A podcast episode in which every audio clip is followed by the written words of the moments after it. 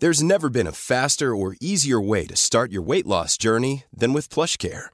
PlushCare accepts most insurance plans and gives you online access to board-certified physicians who can prescribe FDA-approved weight loss medications like Wigovi and Zepbound for those who qualify.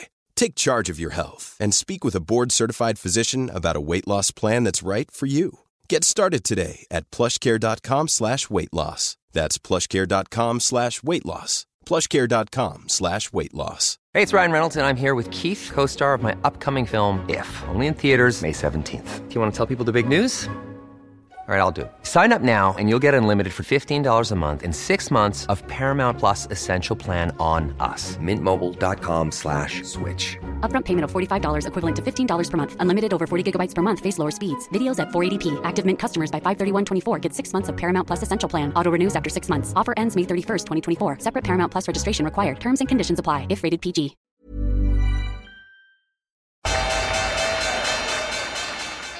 They mistook leverage for genius. Leverage for genius.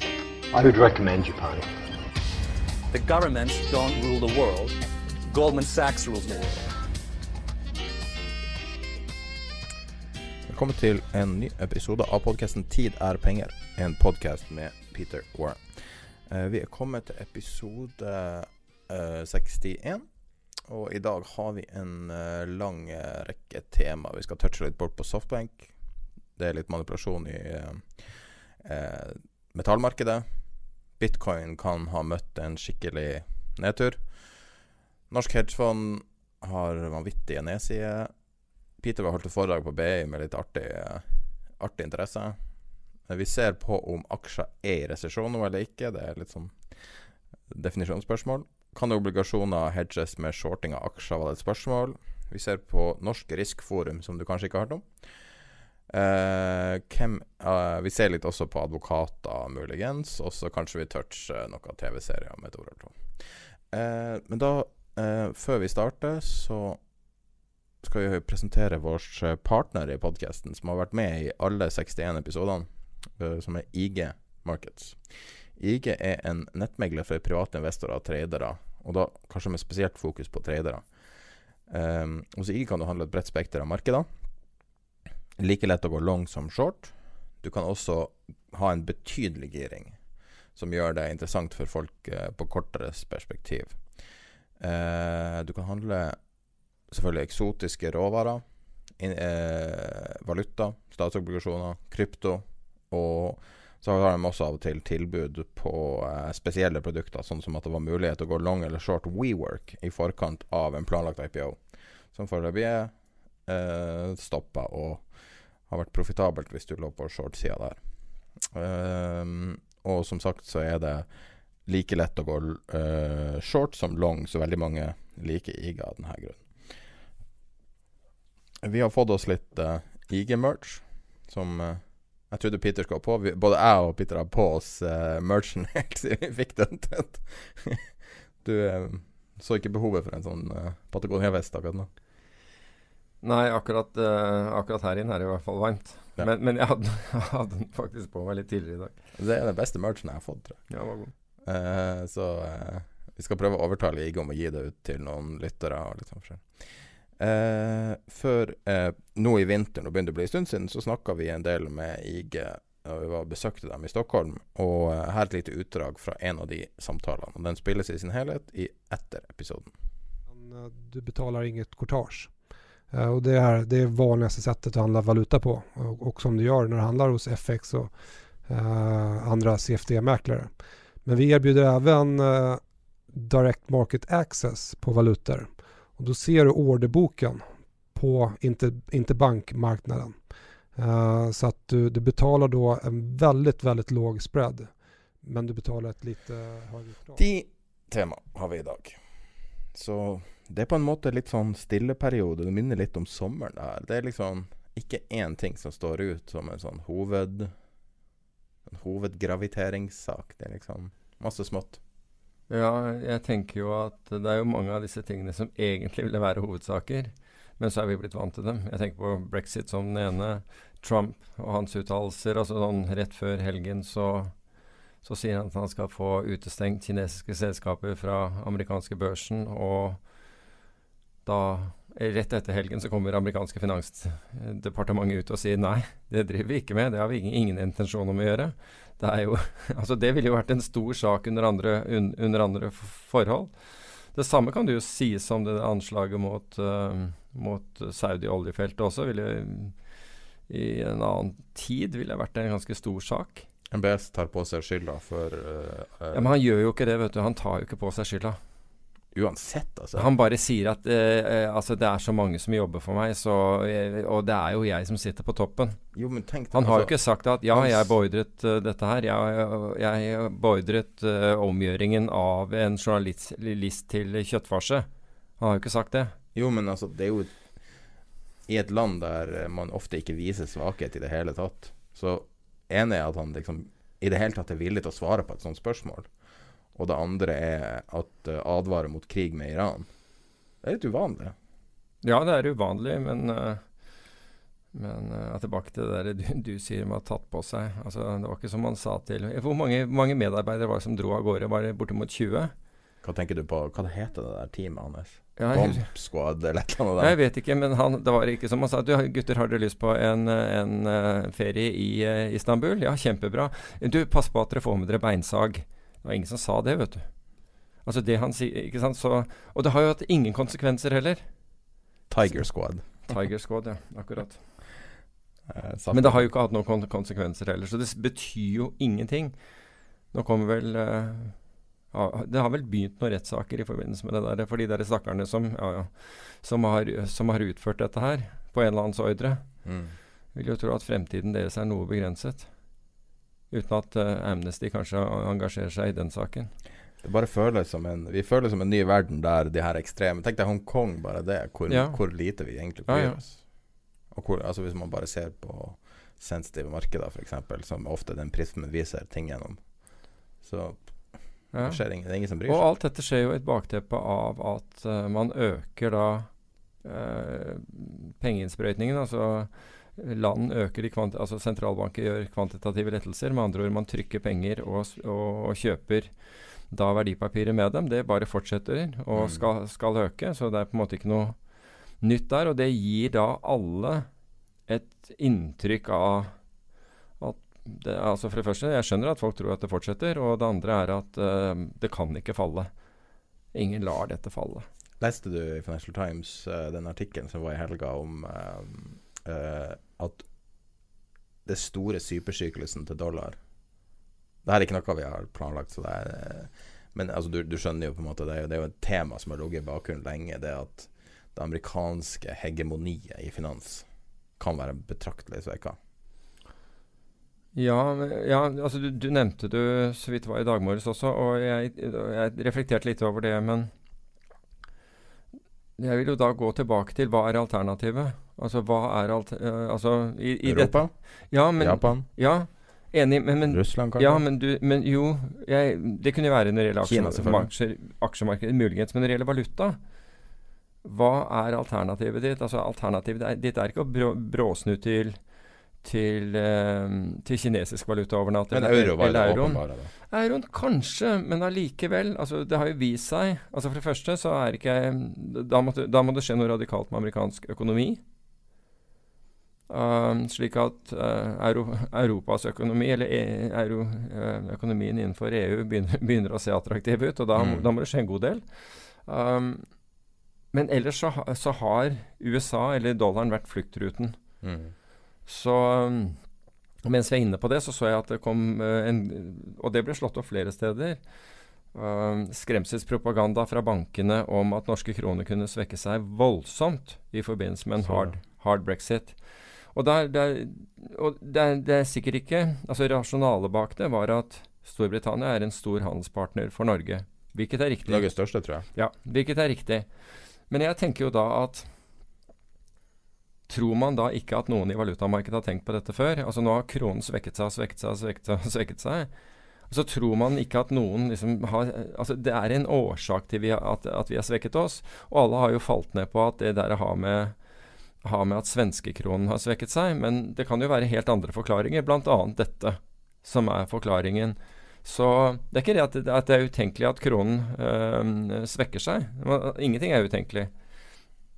men at du plutselig skal våkne opp til at en hard brexit, som har blitt til de grader markedsført, og som Boris Johnson, etter så vidt jeg vet, hvis ikke det har skjedd noe akkurat i dag, fortsatt, fortsatt hevder skal skje, skje, i slutten av neste måned. Ja, det er akkurat en måned til. Ja, ikke sant. Så da er det vel noen som har tenkt den tanken før man bruker det. Men det er morsomt hvordan, og det er også for så vidt interessant hvordan bankene har switchet frem og tilbake nå i det siste. Fra å si da, da kronen var svakere enn den er nå, at nå skulle den bli mye svakere til idet den begynte å styrke seg litt. Si at nei, nå skulle den bli sterkere, til at den nå begynte å gå svakere, men ikke så svak som den var. Til å bruke denne Å, nå kan den bli veldig mye svakere. Mm. Så vi får se. Altså, det som har skjedd tidligere, er at uh, Euro Norsk har jo vært godt over tid.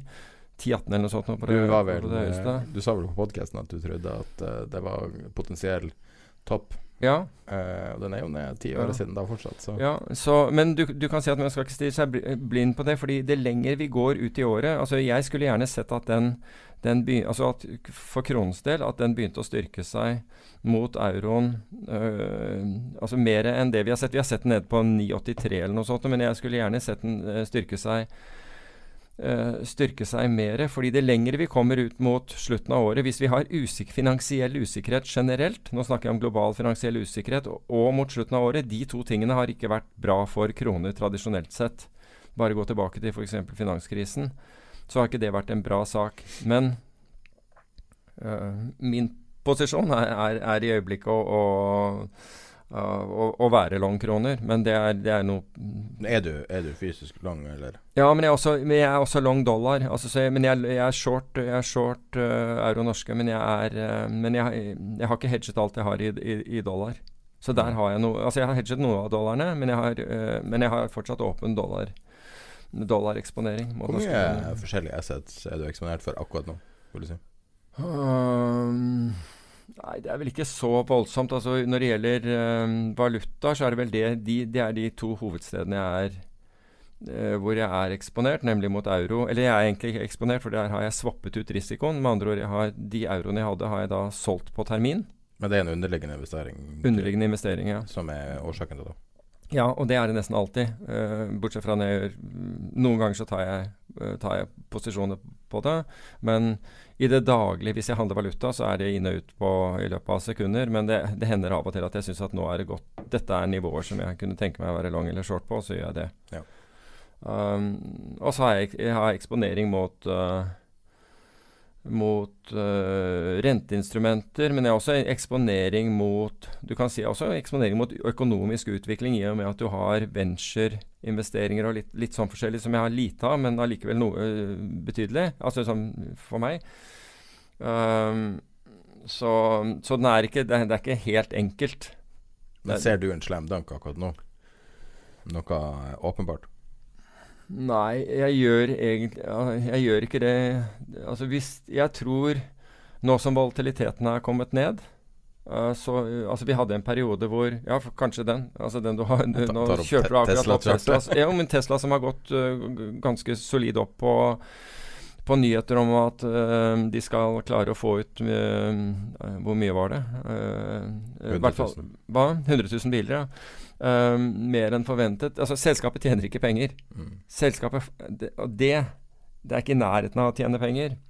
Det har brukt opp mer enn den siste emisjonen. Den, den, røyk ut. Og så vidt jeg ser i år, så kan de komme opp i, i rekord Etter et uh, rekordminus, en rekordminus. Så så jeg er fortsatt eh, Jeg har ikke noen posisjon der, men det er absolutt noe jeg kunne tenke meg å, å, som jeg sitter og vurderer. En lignende som vi gjorde for nesten to år siden. Ja, noe sånt noe. Uh, må, må, se litt på det. Men samtidig så ser jeg også at hver, hver nye topp i det amerikanske aksjemarkedet, som er på en måte det førende markedet her, den har, altså, den har vært bare noen få prosent over forrige topp. Altså Vi skriker og hyler og sier å, og ny all time high og hele greia, men i forhold til den foregående toppen så er det kanskje 1-2 eller noe sånt, og den er høyere. Så kraften har jo helt opplagt gått ut av, av markedet. Og det ser vi jo når vi ser på tolvmånederstall. Så ser vi jo at, at uh, den er jo negativ for Oslo Børs bl.a. Så hvis du ser på de, Altså, det, det, flater ut. Og jeg så en det var i løpet av helgen, og hadde jeg husket hvem det var som sa det, så skulle han fått uh, blitt kreditert med det. Men han sier at liksom hvis, hvis, man ikke klarer å oppfylle de, de, forventningene i form av inntjening som ligger i kursene, og implisitt her lå det at han tvilte på at man ville gjøre det, så står det for et stort fall. Altså, Var, var denne analytikerens oppfatning? Eh, totalt selskapet sett over ett, liksom? Ja, nå tror jeg han snakket om Norge, men det er jo ikke, det er ikke veldig annerledes andre steder. Fordi det er, det er høye multipler. Og, og gjerne negativ inntjening. Ja, ikke sant. Og, slik at hvis Og det tror jeg er riktig. Så igjen, nå som du har fått markedet opp et stykke, så, så begynner short-posisjoner der også. Hvis du gjør det gjennom opsjoner, slik at du gir deg selv et utfallsrom, begynner det også å, å se attraktivt ut. Mm. Alt, jeg vil bare påpeke at alt det her du sier nå, var ikke planlagt på fortid. Det tar litt ting Normalt planlegger vi jo sånn visst sånn så, eh, men det er jo artig at Peter kan snakke om hva som helst. Eh, du bare putter på en uh, femmer, så får du ut 200 spenn. En dollar. så, det er men jeg, jeg mener, det, er dollar man skal kjøpe. Jeg mener det best tenkelig eh, vis. Men mm. jeg, jeg, er helt enig med sånn fra et sånn generell magefølelsenivå, det at det er lite, det er lite momentum, lite power bak oppturene. Men før vi starta i dag, så la jeg fram en teori til Pidar, som var at uh, det ble smalere og smalere opptur. Uh, og det at du så som frafall av selskaper. Mm. Og så viste han meg en ny teknisk indikator som jeg ikke kjente til. Har jeg glemt hva heter. Ja, den, altså Den er jo på ingen måte ny, bare så det er sagt, men var, var, ny for deg. Altså Advanced, advanced Decline Line, som er kumulativ. Og den består rett og slett altså, av å ta Hver eneste dag så tar du antallet aksjer opp minus antallet aksjer ned, og så akkumulerer du dette over tid. Så du bare begynner med et høyt tall, f.eks. du begynner med 10 000 eller 1000 eller hva som helst. Og hvis aksjemarkedet er opp den dagen, altså det er nettoeffekten du er ute etter Hvis det er eh, 24 aksjer opp og 4 ned f.eks., for eh, det forholdet kommer aldri til å være der, men da vil, da vil det være pluss 20 osv. Um, og den forklarer litt om bredden i markedet. For om det er bare noen få selskaper som driver markedet eller ikke. Det og det viste oss nå at det siste Når det gjaldt SMP 500, den var faktisk for Siste året. Ja, så var den egentlig For det første så hadde den vist da ved divergens, altså med andre ord uh, forut for nedgangen som vi hadde i fjor høst. Da, da gikk jo aksjemarkedet opp, altså før den inntraff, mens antall selskaper opp versus antall selskaper ned var negativ. Med andre ord, den, den, linjen var fallende. Så den ga en indikasjon om at markedet var ikke, eh, var ikke spesielt sunt. Og, det, og den, den, ga for, for, øvrig også det motsatte signal når, uh, før markedet begynte å stige, nemlig at uh, advanced decline ble positiv. Og så kom aksjemarkedet etter.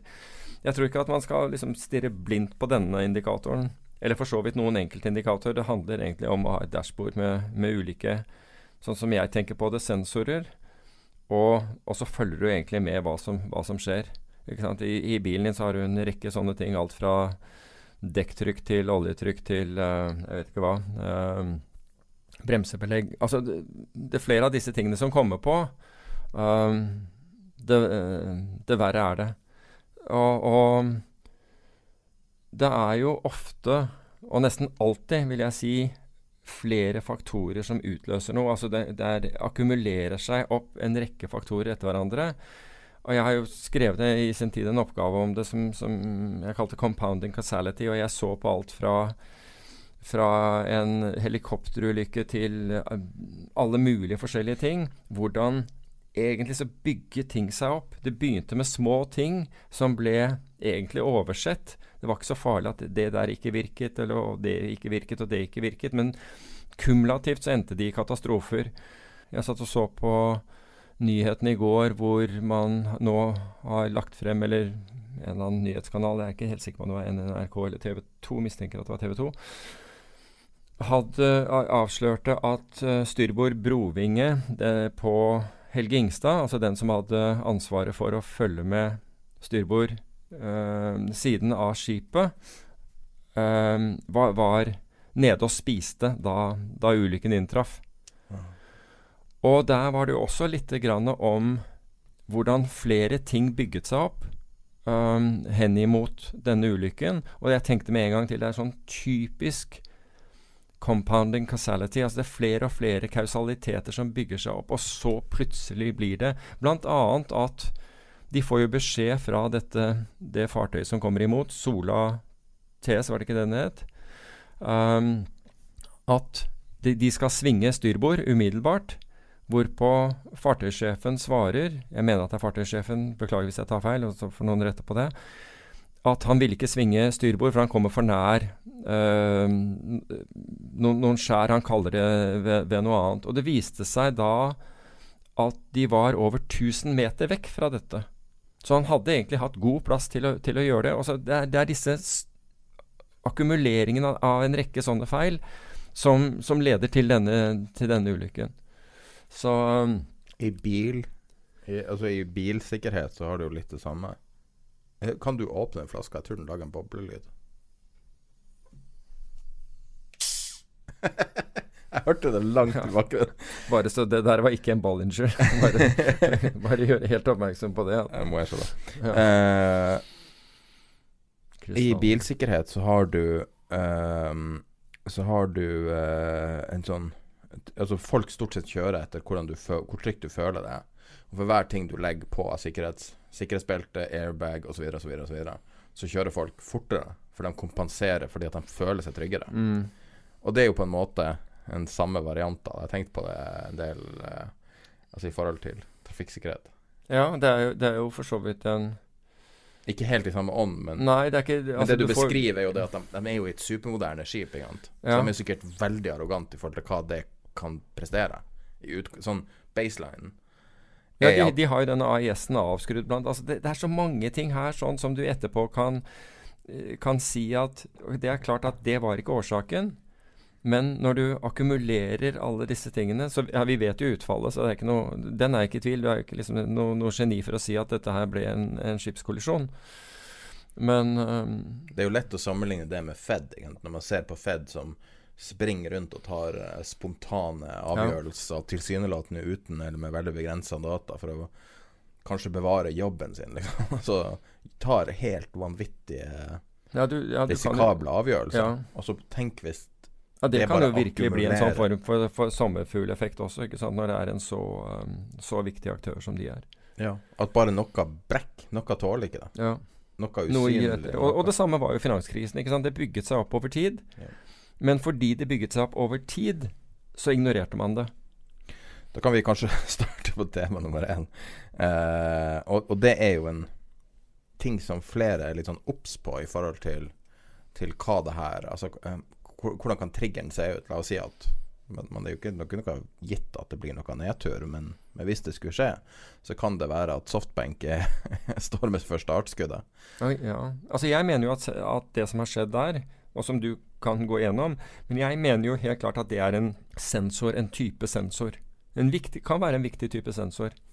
Altså eh, eh, Mas, eh, Masayoshi-san, som man vil si er en legende innenfor investeringer, pga. et par helt vanvittige investeringer han har mm. gjort. Som starta jeg, jeg, visste ikke historien bak det. Han starta det her som en databutikk som ble til en 1981. Ja. ja. Men det, jo, altså det, sier jo litt om ambisjonsnivået til typen. Mm. Det ble til en publishing produkt som la ut et datablad, og som da etter hvert eh, tok over eh, den legendariske eh, selskapet Sif Davis i USA. veldig kjent. altså Ca. tolv år senere, etter du hadde den databutikken, 13 år senere, så kjøper du Sif Davis for over 2 milliarder. Og eh, senere gjør noen fantastiske investeringer.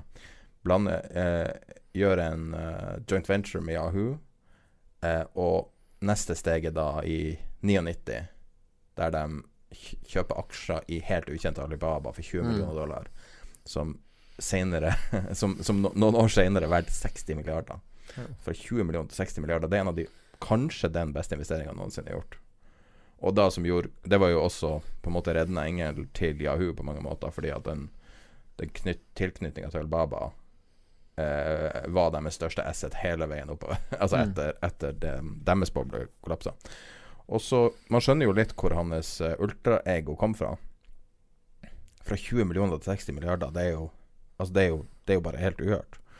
Og nå er, har altså starta det Vision-fondet. Det er jo bare et par år siden de begynte å, å virkelig kjøpe seg inn. 2010 den første tingen de kjøpte, var, tror jeg. Uh, de har jo kjøpt ting hele veien, men virkelig ja. Første gang jeg hørte Softbank nevnes, og da husker jeg at uh, Venture Capital-folk sa at det her er det her er farlig, for der kommer en inn. Altså markedet, Venture capital-markedet har jo vært jevnt i alle år. Det har jo mm. nesten aldri forandret Det har vært et ganske lite marked med playere som sitter nesten ved siden av hverandre, og som, som aldri er over, liksom overdrevent grådig. Mm. Og så mm. kommer det her giganten inn fra Japan og effektivt sett, jeg vet ikke om det har tidoble markedet eller noe sånt. Uh, og da begynner å investere i hytt og pine i alt mulig. Og uh, spole tilbake til i dag, sitter som en stor leverage eier av WeWork, Uber osv. osv. Mm. Ja. Det er lang vei fra en databutikk. Det er lang vei fra en databutikk, og jeg vet ikke om du var, var du inne på at Saudi, eh, altså Saudi-arabiske oljefondet var en stor, eh, stor, investor i Vision 1. Og de også da hadde tegnet seg, eh, eller i hvert fall kommittert seg i eh, Vision 2, altså dette fondet som nå starter opp, eller skal til å starte opp. Uh, men som etter da at WeWork uh, hva skal man si? Kollapsa. Ty, ja, kollapset tydeligvis var fullstendig feilvurdert uh, i, i, verdien av. Altså Siste valuation de fikk pre denne IPO-prosessen, var 47 milliarder dollar. Ja. Og det var vel muligens uh, Softbank. De var vel med på det. De har vært med på alle rundene. Jeg tror de var med på det. Mm. Og så klarte de ikke Men ikke den siste? Var de ikke med på siste? Nei, jeg mener at de ikke skulle være med på den. Eller, eller om de ja, nå er jeg litt usikker. Jeg tror kanskje at de Men de er heavy eksponert, da? Ja, ja de er altså, voldsomt ekspon eksponert. og, og, så viser det seg at, som du sier, dette blir en helt kollaps. Det blir på en måte en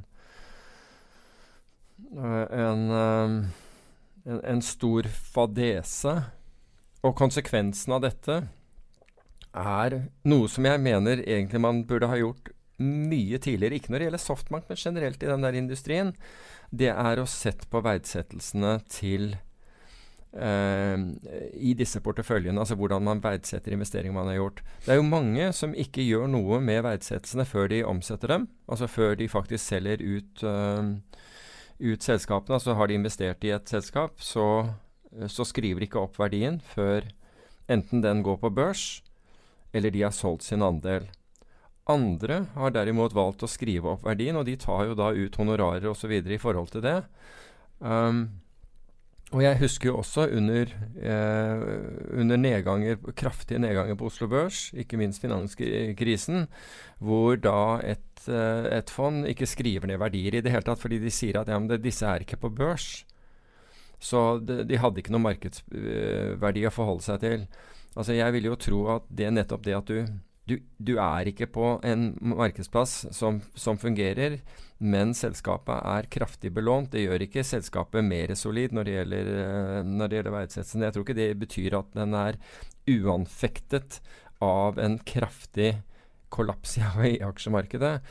Um, slik at og, og, det har forbauset meg da at ikke investorer altså I, i, dette, i det norske tilfellet så, så, mener jeg at investorene kom på banen, eller i hvert fall noen av investorene kom på banen og sa at dette her er gærent. Dette er gærent. Vi, vi betaler ikke honorarer i, som, som, om alt er, er uh, uforandret. Og tvang prisene i hvert fall ned med en sånn sjablongmessig 20% eller 30 eller et eller annet sånt. Men det at man har fått lov til å på en måte verdsette dette selv, altså få drive, drive med dette her selv. At det har ikke vært noe guidance, i hvert fall ikke fra myndighetenes side, som meg bekjent, for hvordan dette skal gjøres. Det syns jeg er uh, det, det på meg virker sårbart. Og det er internasjonalt så virker det nå såpass sårbart at man stiller jo da spørsmål ved andre ting i Softbanks portefølje. Hvordan, altså verdsettelsen av det for den totalkollapsen av, av, av WeWork. Og det har også gjort at man begynner å se på de andre selskapene. Hvordan er ting verdsatt? Hvordan er porteføljen verdsatt? Så det blir interessant å se. Men jeg vil jo si at altså, jeg hadde ikke noe Du var den som hadde sterke meninger om, om, uh, om WeWork, mens jeg, uh, jeg fulgte det mer perifert og hadde ikke tatt noe stilling til det. Men jeg, jeg kjøpte jo argumentene dine når du, når du la dem frem, på at dette var Ja, du kalte det vel for en sinnssyk prising, tror jeg. Og det viste det, det, Jeg føler jo at du hadde dine ord i behold når du ser hvor det er i dag. Eller hvor, hvor tilsynelatende kommer til å være. Du ser på Uber, Uber, Lyft, Peloton Ting har jo liksom Alt der ute har jo Det er jo få IPO-er som har Det er vel én som har gått OK. Husker ikke hva den var, eh, men i hvert fall av de i det siste. Ja, Beyond Meat, ikke det? Jo, Beyond Meat, helt riktig. Ja, men det er Beyond jo Meat. et lite selskap som Ja ikke ble kjent før IPO-en, Ja, ja. På grunn av prisinga Men, det men, men jeg syns at, at, at det er vel Altså, det er sjelden at du ser Men dette er jo markedet som har drevet frem. Det er sjelden mm. at du ser øh, denne type ting inntreffe. Med andre ord at man ser på ting med nye øyne. Altså, Softbank er jo indirekte eier av Nabobil i Norge. Ja, De er eksponert over ja, hele verden. Ja, ja. Det stemmer, det. Men, men det er sjelden at du ser at noen begynner å, ta, å si at du, gjør vi dette på riktig måte, annet enn når ting kollapser. Og du kan si at markedene har jo ikke altså markedene generelt har jo på ingen måte kollapset. Men når IPO-markedet eh, kollapser, så er vel det kanskje en stor nok indikasjon til at folk setter seg opp og sier du, nå bør vi vel tenke oss litt om. Ja, altså det, det, det er jo veldig rart at de IPO-er selskap etter selskap, og ingen tjener penger. Hvordan er det her ment at det skal gå opp? Når du ser på det Jeg viser deg nå eh, en av eh, de mer kontroversielle investeringene til Softbank, som er WAG. Deres uh, dog-walking-side. Jeg vet ikke om det, den valuation er helt oppdatert, men det var, for et år siden var det priser til uh, tett på 3 milliarder kroner. På basis av uh, Gud vet. 20 dollar per walk. Altså 39 dollar for å være Så det- dogsitter. Men eh, det er jo litt, litt interessant, fordi altså, du kunne ta slå sammen noen av disse dog Dogwalker-firmaene i Oslo, og så hive på en syk multiple og, og, Ja. og ta det over, over ti år. Og så IPO vi det. Ja, ja. Så Men vanligvis når man, beregner, når man verdsetter et firma, sånn tradisjonelt sett, så har du en multiple på bunnlinja. mm, Eh, og når man skal ha da eh, vekstselskaper som er det, det eneste som Softbank er interessert i, så er det topplinja. Eller Ja. kanskje fantasien om topplinja. ja. Det minner jo om eh, Det minner jo veldig mye om dotcom. Men har ei art, artig investering som heter Manbang Group. Vet ikke Ja. hva det er for noe. det tør jeg ikke å spekulere på engang. Vil helst ikke vite. Ja. Det er Uber for trucks. Men Ok. Manbang Group er Ok. bra navn. Nei, men altså, Softbank er spesielt. Altså, de er kjent, de, er, de bryter veldig med den venture capital-stilen. Måten de dealer med selskapene på er annerledes. De er mye mer brutale. De har uh, sopa opp alle mulige dealer, sånn at alle valuation er nå mye, mye høyere. Og de er blitt sånn uh, lender of last resort, buyer of last resort, som bare plukker opp alt. Mm. Og, og det er litt Det er sånn fantastisk at man har kapasitet. Jeg tenker på vanskelig det å gjøre én ting, altså bare Ja. lage en podkast. Det krever en hel del innsats å gjøre det, selv om det bare er snakke. Ja. Å opprettholde det Jo, men, men, det, jo, men det er derfor jeg tenker Jo, men altså bare ha kapasiteten til å håndtere Ja, det er det jeg mener, altså. Uh, Til å håndtere alle de Det er som du sier, de uh, eier bl.a. nabobil i, i Oslo, eller i Norge. Ja, gjennom et amerikansk Ja, ja, men, men uansett, altså det, det er, eh, de, de har en Altså det er vanvittig mye som skal Altså jeg skjønner at det der, så, slike ting går bra i, i boomende eh, markeder. For da er det ingen som bryr seg. Da er, har alle den samme visjonen. Men hvis det da begynner å, å butte, da trenger du på en måte å ha den flinke kapasiteten. Den bør jo helst være på banen før som sier at du, her må vi bare kvitte oss med mens vi har en sjanse nå. For vi har ikke et håp i eh, helvete når eh, hvis, hvis vi får en økonomisk setback. Og det tror jeg var WeWork.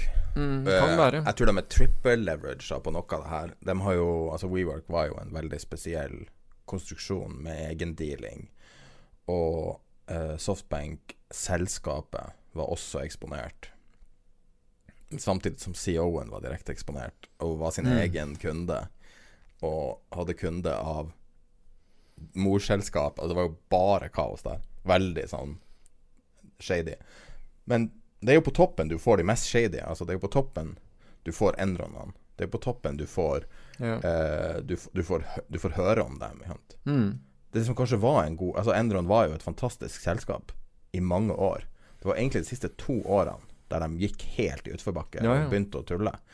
Og det er jo sagt at hvis Enron hadde fått lov å unwinde posisjonene sine, så hadde de eksistert i dag.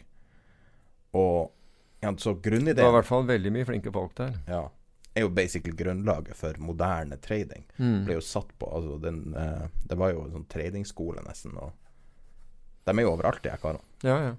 ja, ja. Så, um, Så, så det er alltid noe bra bak de her vanvittige men de hadde jo en voldsom arroganse, husker jeg. Enron. ja. Uh, det, det hadde de. de. Men det har jo de her også, ikke sant. ja.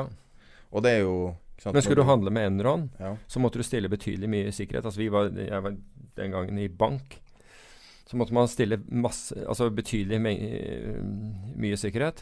Mens de altså for, Og det er jo vanlig at du stiller uh, for, uh, sikkerhet i forhold til dine forpliktelser. Eller har kredittlinjer. I hvert fall hvis du har bank. Men de skulle ha det. Men samtidig skulle ikke de stille noe den andre veien.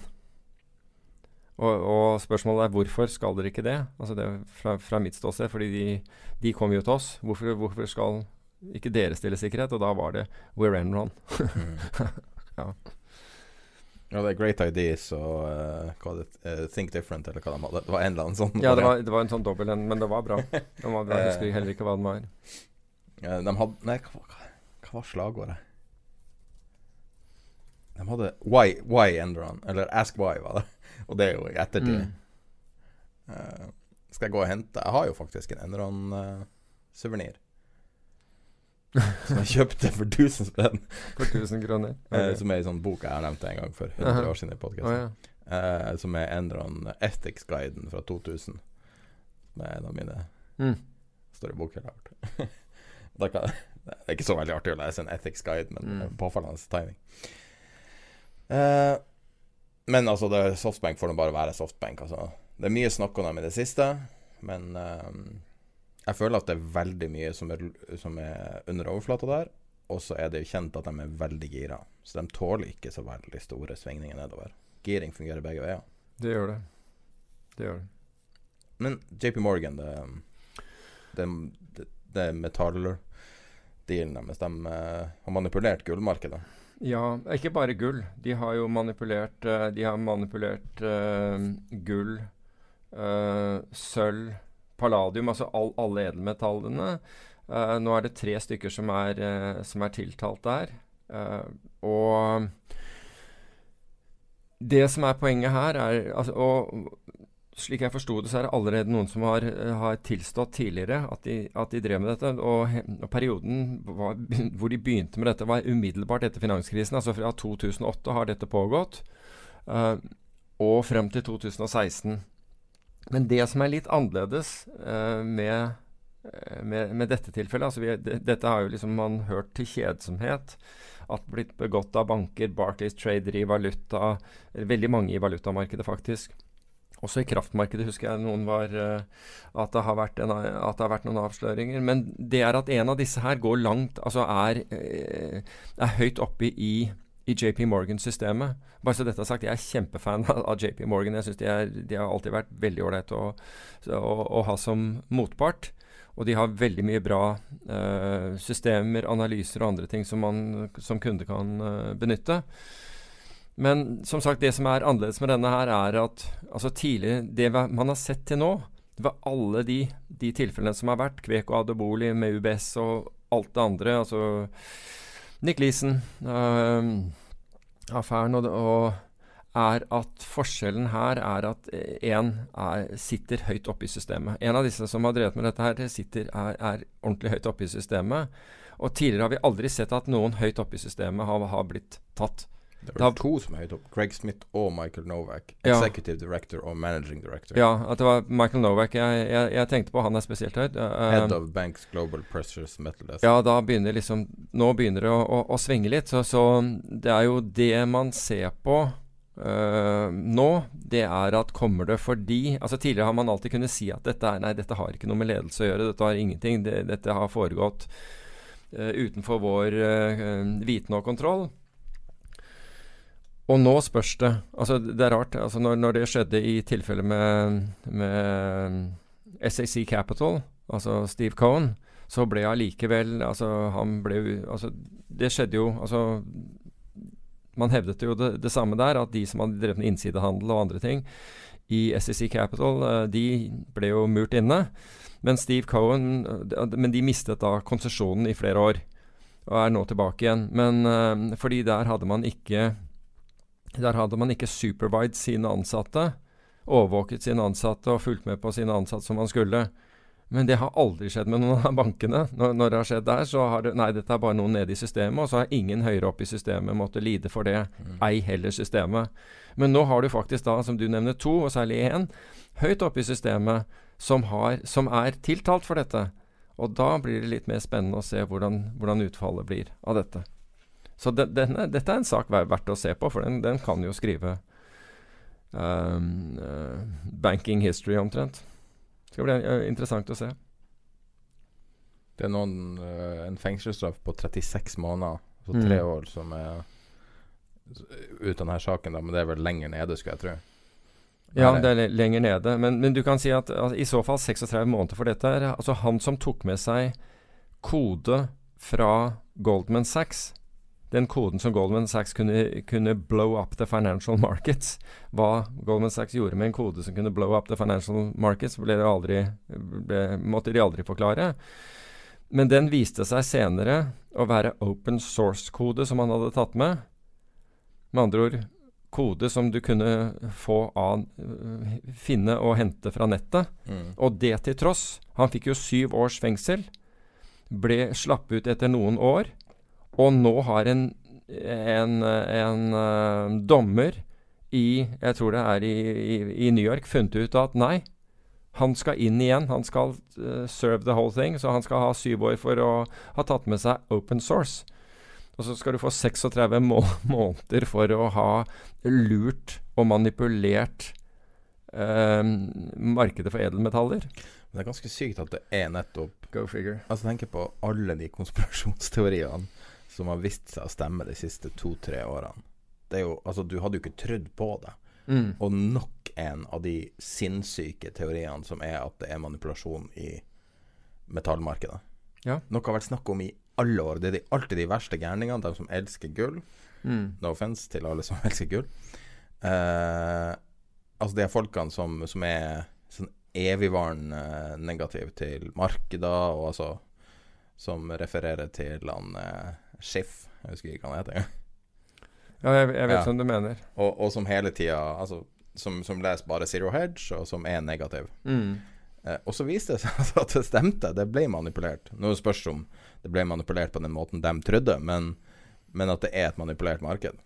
At det, ja. var, altså det var cornera på en måte av uh, meglerhusene. Ja, og, og, Eller de store investeringsbankene.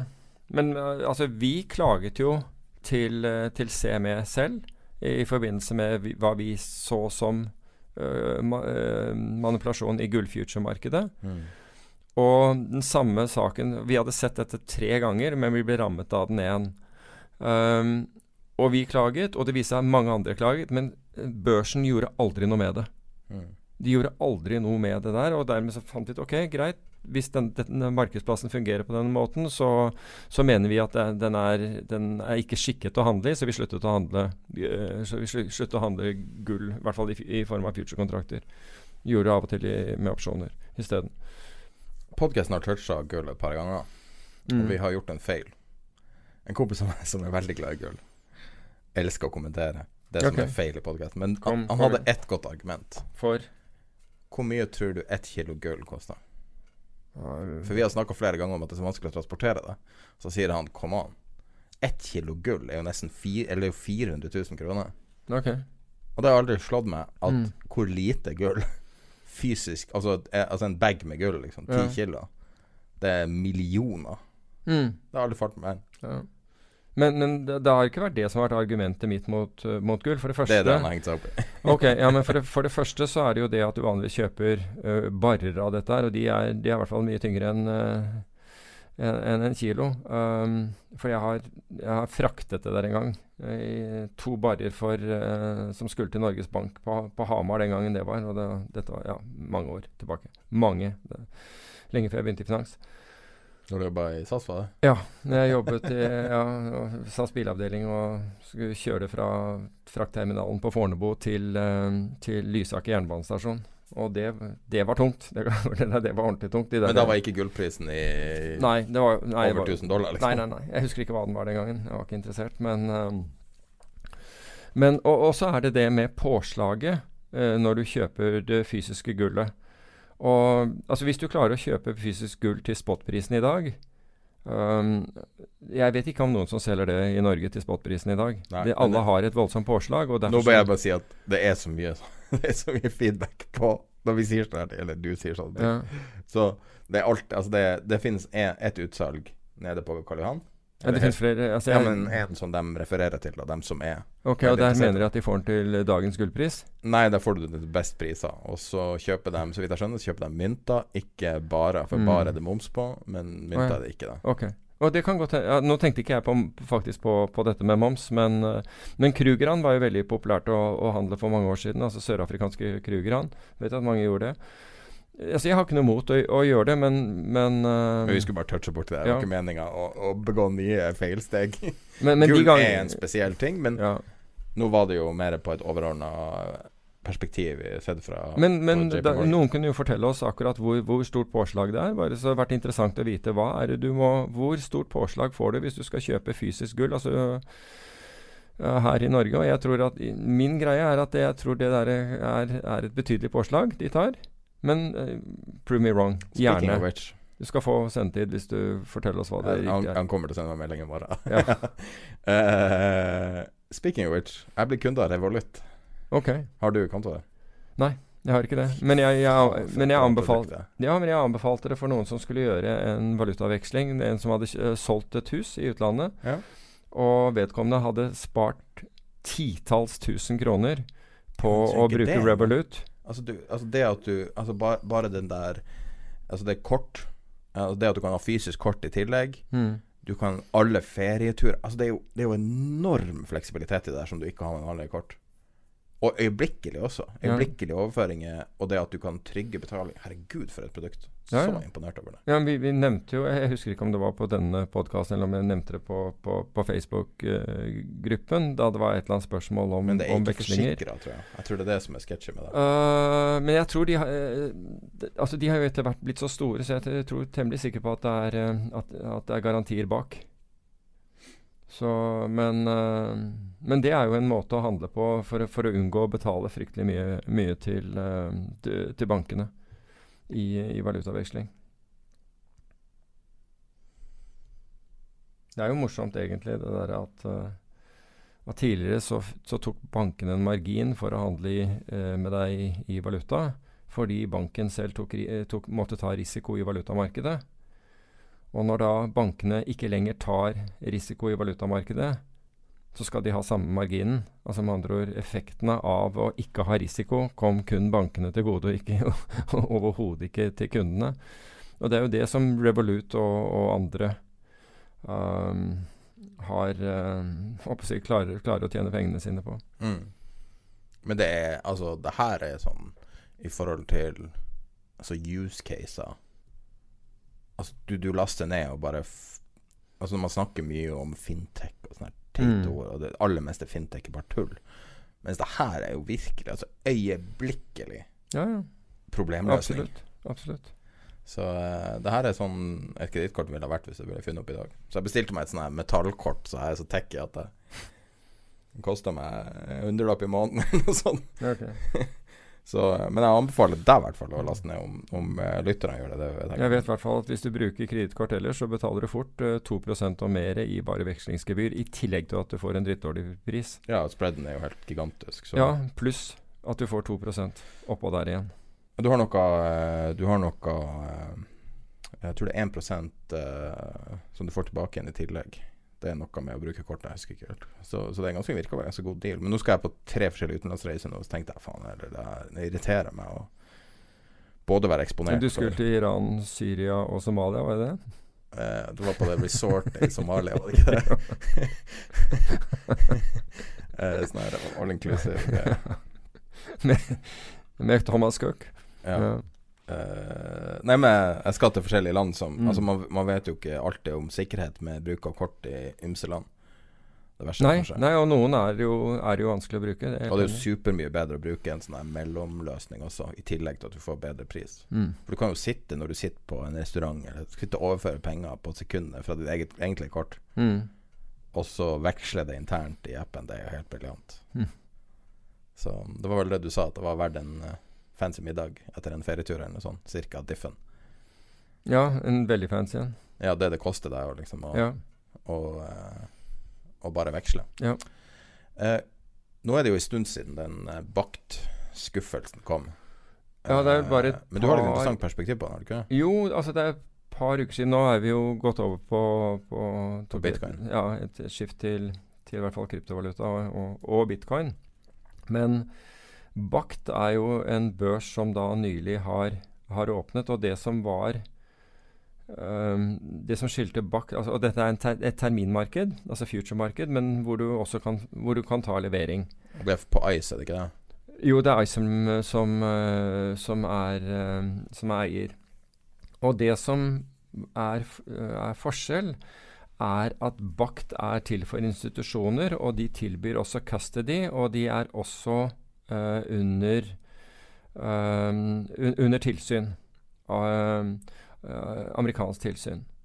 Slik at det var, jo, det var, jo, mange som da trodde at For man har jo hele tiden snakket om dette her hvis bare institusjoner bruker en halv prosent av, av uh, midlene sine på på kryptovaluta så vil du se en enorm, et enormt drag i det. Men første dagen på, på Bakt, jeg tror det var noe sånt som 79 bitcoin eller noe sånt noe som ble, ble omsatt. Det var i hvert fall veldig skuffende.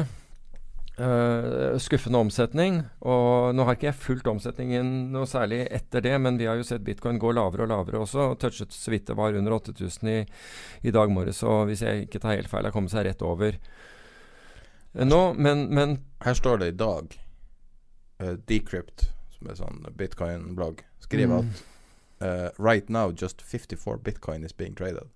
Ja. 430 000 dollar. Så, så, du kan si at uh, det har jo vært en veldig skuffelse. Og, og, jeg lurer jo på da hva som er Altså de, jeg, jeg, hørte på en conference call hvor disse baktfolkene uh, snakket, uh, og de mente at at dette var bare he helt midlertidig. Jeg tror De var, de, de var nok skuffet, de òg, men de fortsatt hadde, hadde, stor tro. Jeg vet ikke hvorfor dette ikke har virket etter, etter, forutsetningene. Du ville jo tro at de ville ha vært i kontakt med institusjoner og alt mulig. Det fins bra med marketmakere her og hele den, den biten. Og så Altså Det trades jo på CME, så jeg skjønner ikke Ja, future-kontrakter På fredag ble det trada nesten ja, 4100 kontrakter. Men her, men her, har du både cold storage og, og hot storage-muligheter. Uh, men det må jo gå an å arbitrere, for CME har ja, ja, 164 millioner ja, dollar i omsetning. Jo, men det går an å arbitrere hvis kursene, uh, hvis kursene flytter seg fra hverandre. Det gjør, det gjør, det Men i hvert fall så det har i hvert fall foreløpig vært en skuffelse. Og så må man Altså, de, jeg tror ikke de har veldig lang tid på seg til å, til å få, få reist kjerringa, for å si det på den måten. Altså Skal dette være et institusjonelt attraktivt produkt, og du har fjernet ting som øh, det at man ikke hadde uh, At man ikke hadde regulatory supervision, som jeg av en eller annen grunn ikke klarte å si på norsk nå, uh, og custody og, og, og garantien med både cold storage og hot storage, og når man først har fjernet det, og, og det fortsatt ikke er institusjonelle som, som, gjør noe særlig, så bør man jo tenke seg litt om hva som foregår her. Så, men hva som, hva som, skjer, det vet jeg ikke, men det er helt opplagt en skuffelse. Og i, i kjølvannet av den så har jo bitcoin falt kraftig, falt vel med, med 20% Og så har du en annen ting, og det var ganske interessant, og det er jo da blant annet dette Arcane eh, krypto i Oslo, som har hevdet Og nå, nå, har jeg lest om dette i internasjonale medier og, og, og, ikke fått det fra dem. Men hvor de har da studert eh, nøye dataene eh, forut for eh, forut for når disse CME-kontraktene forfaller, og mener i likheten med andre at eh, det der foregår kursmanipulasjon. At, at er blitt, markedet er blitt manipulert lavere i forbindelse med dette. Uh, jeg syns jo det er interessant at uh, Arcane er på banen i, i, dette her, fordi man det, det, øker jo deres, etter min oppfatning, kredibilitet som, som en, en, aktør i, i, dette markedet, uten at jeg kjenner dem, bare så det er sagt. Uh, syns jeg i hvert fall at det øker deres kredibilitet som aktør, og så får vi da se hva det er som faktisk foregår her. Men det er klart at det, hvis så er, så øker det også usikkerheten rundt det hele. Det, det er liksom Volum er Altså, hvis du ikke har volum, så har du ingenting. Mm. Uh, det er også en ny Jeg tror det er en bitcoin-ETF som heter Van Eek. Nei, ja, eller eh, det, Jo, Van Eek, eller Van Eek er et, eh, et, selskap som har satt opp en, ja. en bitcoin-ETF. Det er riktig. Men, Fire men, bitcoin ja. Men, men, jo, men pro problemet er at de er jo ikke blitt godkjente, så vidt jeg vet. Altså, Det er jo ikke SEC godkjent. Men bi, altså, uavhengig av det. Og jeg tror faktisk det altså det har man gått og ventet på hele tiden. Altså Hele tiden har de disse, disse um, ETF-ene som da skulle eie bitcoin, typisk sånn som GLD, det fondet vi har snakket om, ETF-en som eier gull, at den skulle komme opp og kjøre. Og så har SEC stadig dragged their feet, altså stadig forlenget denne prosessen. Alle har trodd at det, ok, nå er det klart, nå er det klart. Og så fortsetter denne, dette ut i tid. Men jeg tror altså hvis hvis en, en, en, regulatory approved ETF kommer ut, SEC approved ETF kommer ut, og den ikke blir en suksess, ja, da er det rimelig mørkt på, på, på den fronten. Det vil jeg tro. Det må jo være det neste steget. Neste naturlige steget. Ja, altså Det har jo vært steget hele tiden. Man, er, man, man har ventet ja, på akkurat det, det steget. Men så trodde man da at liksom Bakt ville, ville være en grei mellomløsning, for det ga institusjoner Uh, sikkerhet rundt dette med krypto. Ikke sant At ikke noe forsvant på en eller annen altså Ja, for det var fysisk settlement? Ja, og så ikke du fikk en sånn der Mount Gox Ja, det var fysisk settlement, men at du ikke fikk en sånn der Mount Gox-type uh, greie hvor, hvor ja. er penga? Um, Exit scam, eller hva? Ja, eller et eller annet sånt. Ikke sant? Så, så det, det, var det man Så man håpet jo da og trodde at det kunne i hvert fall være et, et skritt i riktig retning, men det har vist seg da å ikke være det foreløpig, så får vi kanskje ikke dømme det helt nord og ned enda, men, men, sånn er det. Men det siste året så er det to Nei, i hvert fall én. Beklager å måtte si det med tanke på at du har vært hedgefondforvalter i Norge. Men norske hedgefond har underperforma bitcoin ganske kraftig, og, og, og underperforma eh, par også. Ja, men la meg bare si det. Altså, alle har vel underperformed bitcoin alt har bortimot. Fordi det, det er fortsatt Jeg prøvde å ha en overgang. Ja, men det er bare fortsatt opp mer enn noe annet. Men nå kan du kjøre på den. Uh, nei, men det var den uh, Hedge Nordic har uh, en oversikt over Godt gjemt på sida, skal det sies. Mm. Over norske hedgefond. Altså, mange av de her som De har over norske, svenske, finske og danske. Ja, men du kan ja. bryte den ned på bare ja. de norske. Og, og må jo si at noen av de fondene kjenner igjen. Og klarer ikke å se hvordan de kan kalle seg hedgefond, men uansett. Det er vel en 12-15 eh, her eller noe sånt. 17 tror jeg det er, eller i hvert fall var det det. Men det som uh, Noen står ut på med negativt fortegn. Eller alle står ut med negativt fortegn, egentlig. Ikke, ikke alle, men, men, det som er greia her På 12 måneders. På, ja, altså de, dette, altså Nå skal ikke vi henge ut, uh, henge ut fond, men det som er spesielt, det er at det er 17 fond Tre av dem er ned mer enn 40% de siste tolv månedene. Altså, det er verre enn de fleste, ikke alle, for det fantes noen hedgefond som var helt klart, som også her i Norge, som var ned mer enn det under finanskrisen, men de stengte. De, de, de der forsvant alt ut. Og ellers, eh, ellers så syntes forvalteren at det var altfor langt opp igjen, så de bare stengte fondene, og så lå de i hvert fall par av dem lå, på, uh, lå, lavt i noen år, og så begynte de nye hedgefond og lot som ingenting etterpå. For da, da trakk de ikke med seg den dårlige, uh, dårlige track recorden.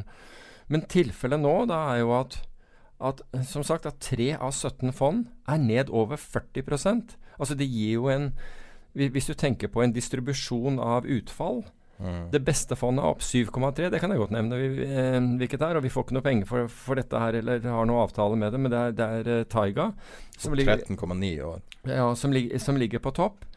Mens er, du, du nevnte et eller annet hvor mange som var opp mindre enn 1% Det var? Det er, det er Ja, det, det er tre fond som de siste tolv månedene er opp over 1 Ja. Er- Ikke sant? Og, og det er en sånn eiendommelig distribusjon. Mm. Uh, når, når, altså hvis du tenker på dette som en no normaldistribusjon, hvilket det ikke er, så er det jo med et cluster på tre som er ned mer enn 40% på den ene siden, og den unike som er opp øh, 7,3 på, på, på den positive siden, så blir jo Altså, det er jo du kan jo lure på hva er det i all verden er det som har skjedd. Og de er jo innenfor forskjellige ting, disse, disse fondene. Så de, alle sitter jo de sitter ikke og gjør akkurat det samme. Risk management, det kan man jo altså, Det er helt åpenbart at den har vært dårlig. Bare så, så det er sagt. Det, altså, det trenger ikke å, å, å lure på. Men jeg skjønner heller ikke hvordan jeg skjønner rett og slett ikke hvordan liksom det kan Altså hvordan et sånt cluster Du ville tro at det ville være mye mer jevnt fordelt. Noen av disse her er jo veldig Altså har jo normalt sett en veldig høy korrelasjon til aksjer. Og selv ikke de er i nærheten av, av liksom å holde følge med aksjemarkedet. Så det er jo et eller annet som er, er merkelig med, med, med hvordan dette ser ut. Høyeste sharp er 1,7. Ja. 1,7 sharp. Ja, det, jeg ser Og det er. Taiga. Det er den Ja. som uh, outperformer. Så Ja, det er høyt. Det er en veldig høy sharp. Eh, det er nesten så jeg ville hatt lyst til å regne på det. Men, eh, men at de har gjort det brukbart, det er jo ingen tvil Men det er jo de er ikke så stort fond på 250 millioner euro. Altså. Ja, det, ja, men de er jo 250 euro er jo tross alt 2,5 milliard norske, da. Så det er ikke som det er ikke, eh, det er ikke på noen måte insignifikant, det. altså. Jeg mener at med Jeg den lurer, størrelsen så og jeg lurer faktisk på om de har stengt det. Altså stengt det for nye, nye penger. Ja, men det mener jeg at, at de klarer å oppnå den uh, Og sånn, sharp ja. ratioen. Altså på, delvis pga. at de ikke er større. Ja, det kan jeg være enig i. De Det- kan gjøre ja. strategier som er mulige, Ja. Ja, som ikke er mulig med et større fond. Det er enig. Det- Men det tror jeg også de Du kan jo si hva sharp ratio er. Det er jo veldig mange som ikke Ja, sharp ratio er da, er da avkastningen din minus den risikofrie renten delt på standardavviket, altså det årlige standardavviket. Øh, slik at du får da Hvis du har en sharp ratio på øh, på 1, så kan du si at at uh, som, som er, altså Du kan ha en sharp ratio under én og for, fortsatt være, være bra, men det høyere sharp ratio du har, det bedre er det. Da, vi, da, da gir du investorene dine en høy grad av risikojustert avkastning. Og det er faktisk mye viktigere enn å se på den totale avkastning. Fordi at en typisk investor i et hedgefond er ikke nødvendigvis opptatt av det samme som en typisk investor i et aksjefond er. Nei, i et aksjefond så får du aksjemarkedet, ikke sant, stort sett. Du, og du kan ikke forvente at en, eh, en aksjefondforvalter unngår, unngår eh, fall i aksjemarkedet, for det er ikke jobben hans. Altså Jobben hans er jo egentlig stort sett relativt til en, til en aksjeindeks, og ikke til, til, til det vi kaller absolutt avkastning. Absolutt avkastning er liksom avkastning over null. Um, det at du helst ikke skal ha store tap. Men Regnes performance fees alltid på absolutt avkastning? Nei. Nei, altså, Unnskyld, performance-feen. Ja, du kan si performance-feen. Den er jo på at du får at du har, For det første må du ha positiv avkastning. Uh, det er det ene. Så ha, men så har du da Eller de aller fleste har da det de kaller high watermark. Slik at hvis hvis du har investert penger og, og, til kurs 100, og vi, har gått opp til 120, så har jeg tatt, har jeg tatt en andel av, av, av kursstigningen i, i, i eh, suksesshonorar. Hvis året etter vi er ned igjen, og året etter der igjen så er vi tilbake opp igjen, så, så kan ikke jeg beregne meg eh, to ganger avkastning, eh, unnskyld, to ganger honorar av, av den samme bevegelsen. Så jeg vil da kun eh, ha anledning til å, til å få et suksesshonorar av, av at eh, verdien din over, eh, på det som overstiger 120 i neste omgang. Ja, du kan ikke få double jeopardy. Du kan ikke få do double jeopardy. Så, så Men, men det, det er eiendommelig, og jeg skulle veldig, veldig gjerne altså en, jeg, jeg fatter ikke hvordan det er blitt som det er blitt. Det, en annen, det må være en eller annen forklaring på det. Kan hende at QE spiller inn her også, men, eh, men det er i hvert fall veldig trist å se at den avkastningsdistribusjonen er blitt som den er blitt. Det er litt sånn utbomba marked, og siden det er så vanskelig regulatorisk å holde på, Mm. og ting som nødvendigvis ikke er hedgefond, kalles hedgefond, og Ja. hedgefond får skylda for alt mellom himmel og jord eh, hver gang noe går galt. Nå sitter Ja. de jo og klager på Det er jo ikke helt sånn nødvendigvis, nå klager de med England på at, eh, at valutatradere har for mye makt, ref. brexit. Ja. Markedet har for mye makt, da. Ja. ja.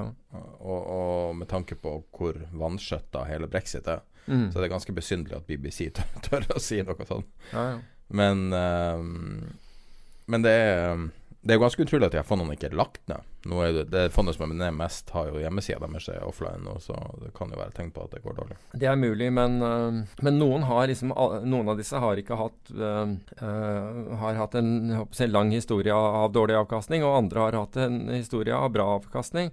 Så vi skal ikke ta alle, men, men jeg syns det er Altså det, det, er det, det er, og det er årsaken til at vi ikke nevner fondet ved navn. Det er jo denne merkelige distribusjonen. Altså av 17 fond, tre ned mer enn 40. Den beste er opp, opp, opp, opp 7,3. Og som du, du sa, det er få som har klart mer enn 1% og øh, avkastning, positiv avkastning. Og det er øh, Men hva du syns om at en av de fondene her som, som har et veldig dårlig siste tolv måneder, veldig dårlig 2019 og, og 18, øh, at de er opp mm, 60 et par år tilbake?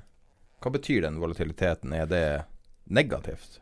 Kommer an på hvordan den er skaffet. ikke sant? Altså, la oss si at du hadde at du hadde fått den Ta, ta i tilfelle eh, hos oss hvor vi hadde, hvor vi hadde shortet eh, spansk eh, eh, eh, nasjonalgjeld gjennom credit, eh, credit default swaps. Altså vi kunne tape var det 37 500 dollar i året i premie. Eh, det var, Altså forsikringspremie? ja, ikke sant? Det, ikke. Men vi ender med å Som var en lit, veldig liten prosent. ikke sant? Altså Du ville nesten ikke se det på, på, på, på fondsavkastningen, men, men, men den investeringen da gir 2600 Mm. Så du kan si at du kan få sånne ikke sant? Hvor, de, hvor det utslaget ikke rep er representativt for, for nedsiderisiko. Så det er veldig viktig at investorer som f.eks. stirrer seg blinde på et sånt tall og sier åh, hei, det her var jo helt fantastisk, vet hvordan den avkastningen eh, er skapt. Mm. Og det har jo myndighetene, og det er jo veldig fornuftig. Altså, øh, og nå snakker jeg om her, her i Norge, men det gjelder jo internasjonalt. De har jo forlangt at hedgefond gjør, øh, gjør rede for hva de gjør, altså strategiene sine, hva de har anledning til å gjøre, belåning, alt mulig sånn, slik at det ikke skal komme noen bomber for, uh, for, uh, for investorene. Og det er fornuftig. Mm. Det, er veldig fornuftig men at du har anledning til å gå inn og si at ok, dette fondet her kan faktisk tape mye penger. Jeg ser hvordan de investerer. Mens dette fondet her har Ok, her bør det være ganske begrenset hvor mye jeg kan tape. Eh, det fondet du hadde som var på en måte litt spesielt, det som heter Hva var det? Short term trading, var det? Ja. Um, der du, da hadde du vel en sharp på fem, eller noe sånt? ja 4,7. Som i utgangspunktet skal være umulig å få. Ja, og, og, og som jeg sa Men det var den- liten størrelse, var det ikke det også? Jo, men som jeg sa 200, og, og som jeg sa den gangen, uh, så tro, hadde jeg ingen tro på at man kunne opprettholde den sharpen. Den Men det var jo at du var inn og ut samme dagen. Ja, vi var inn og ut samme dagen. Vi hadde aldri posisjoner over natt. Det var ganske morsomt, fordi jeg, jeg fikk jo da en, en, en telefon fra, et, uh, fra en uh, norsk avis hvor vedkommende sa at, eh, vi hadde, at de tallene hadde vi Altså det, vi hadde satt feil kurser, altså at vi hadde jukset med, med, med tallene. Um, ja. På rapporten deres, eller? Ja, at, at det, det var ikke reelt. Det var at eh, vi hadde da verdsatt våre investeringer, altså det vi kjøpte og solgte, eh, eh, eh, feil. Hvorpå jeg da sier til han at det, det kunne vi hvis, hvis vi så gjorde, så er, vil jo det i tilfelle bare være noen timer, siden vi er i cash hver eneste kveld. Ja. Og det visste ikke vedkommende at det, og da ble det ikke noe, det ikke noe forsideoppslag, for å si det på den måten. At, dette, at man hadde manipulert markedet eller manipulert kurser eller noe sånt. Noe. viktig anklagelse å komme med, da. Ja, og du, du kan jo tenke deg hvem det var, men uh, helt sikker på. Uh, Det var jo Dagbladet som alt, jo. nei, det var ikke Dagbladet. men i hvert fall så um, eh, Altså, vi handlet jo kun de største Morgenbladet. nei, ikke de heller. Vi handlet eh, kun de største valutaparene og, de, og, og, og indekser, slik at vi var jo avhengig av å handle det som hadde høy grad av likviditet. Men uh, Men nettopp det at du ikke sitter over natt Du misser jo masse gap moves, spesielt Begge Kanskje. veier, ikke sant? Ja. Men du mister altså Men det gjør kanskje at du, at du kan, at det at du kan sitte og snipe, Ja. gjør vel at du da kan opprettholde mye Altså mye mer Altså f.eks. hvis du ikke sitter over en Fed-avgjørelse, ja. så kan du misse den megabevegelsen. Men det må jo påvirke sharpen positivt også. Ja, det kan gjøre det, ikke sant. Men Gitt at du altså, kan tjene penger vi ellers, jo, vi, det var jo aldri sånn for oss at vi kom inn på morgenen og så liksom kursen hadde løftet seg over natt og tenkte ah, det var fint, nå har vi jo Nå har vi, ehm, nå har vi eh, positiv avkastning allerede, dette er jo kjempebra. Altså Hver dag måtte du finne noe som du skulle tjene penger på. Og, og det er ikke lett. Er, altså Hver dag så altså, Hvis du da var kalt bort til et møte, eller et eller annet sånt, så var det jo å komme tilbake igjen på desken og OK, 20 minutter til neste. Nå har jeg 20 minutter på meg. Og prøve å finne et eller annet. Så jeg følte jo at det der var en Det var vanskelig. Men samtidig så likte jeg det at du sov godt om natten, og uansett hva som skjedde i løpet av helgen av nyheter, så brød du deg ikke. Altså det var eh, ikke sant? Det, det var ikke sånn at du tenkte oh, lurer på hvordan det går med aksjeposisjonen eller renteposisjonene mine eller et eller annet sånn nå. Det var helt greit. Altså du, du hadde ikke den. Men, all, men alt som skjedde i løpet av dagen, kunne jo selvfølgelig komme og ta deg. Hvis du ikke hadde stopplosser og, og, og den type ting. Jeg syns fortsatt det er helt utrolig at du klarer å finne så mange, for hvis du ser på bevegelser, så er det jo åpninger eh, Altså åpningsauksjonen Ja, vi, vi, altså Price-matchinga der er jo veldig stor. Ja, men i- og sluttmatchinga. Ja, du kan si at noen av disse her vil vi være eh, Likte vi ikke Altså, vi, vi trakk oss ut f.eks. rett før uh, tall fra USA. Mm. Som regel trakk vi oss ut. Noen ganger så hadde Folk vi elsker å sitte long eller short over et tall Ja, det, det gjorde ikke vi. Men det, men det var en periode hvor på noen av de store future-kontraktene, særlig rentefuture-kontrakter, hvor vi lå inne med med buy-stops og sell-stops på begge sider av markedet. for å bare, Hvis dette drar hardt i en eller annen retning, så altså vil, La si at det, ville få markedet ned. Så ville, vi, så ville ordren ligge der inne, så den ville fyre i det liksom, markedet kom ned til det nivået hvor vi skulle selge på. Slik at vi ble med på en bevegelse derfra. Men som, hvis du ser på den spesifikke strategien, er det jo mange som har ønska å ha. Altså du, du bare ligger og, og eh, du har ingen du, du bare gambler på volatilitet, Mm, mm. Men det som har forandra seg litt med markedet, er jo det at nesten enhver bevegelse etter en stor nyhet er en headfake. Ja. Så det er en enorm bevegelse opp, og så rett ned igjen. Ja, ja. Men, du, ja, ja, men du kan si at vi, var, vi lette ikke etter store bevegelser heller. Så Det var ikke sånn at vi ville da bli med opp, og så kollapsa dette her ned igjen. Altså Vi ville være Du er inn og ut samme sekundet? Ja, ikke om ikke samme sekund i løpet av Ja, ofte det. Ofte det. Og alt. Ja, mesteparten. Mesteparten, Men det kan godt hende at det ble lagt inn manuelt. Men vi så jo da altså Husk på, vi begynte jo dette fondet mens du fortsatt kunne gjøre ganske store beløp i valutamarkedet. Med andre ord eh, Etter hvert som fondet økte i størrelse, så fant vi jo at vi selvfølgelig måtte øke posisjonene våre i takt med det. Og så kom vi opp i at eh, Og først så virket det veldig bra. Når vi la inn, når vi la inn kjøper og selger på f.eks. 25 millioner euro i valutamarkedet, så, så kunne vi faktisk bli, få, få kjøpt under, under kjøpekursen som var i markedet, og av og til solgt over selgekursen i markedet. Fordi banken vi brukte, ville bruke oss som risikoavlasting. For de visste at vi var en reell eh, spiller, ikke en som ville bråsnu seg og, og, og ødelegge for dem.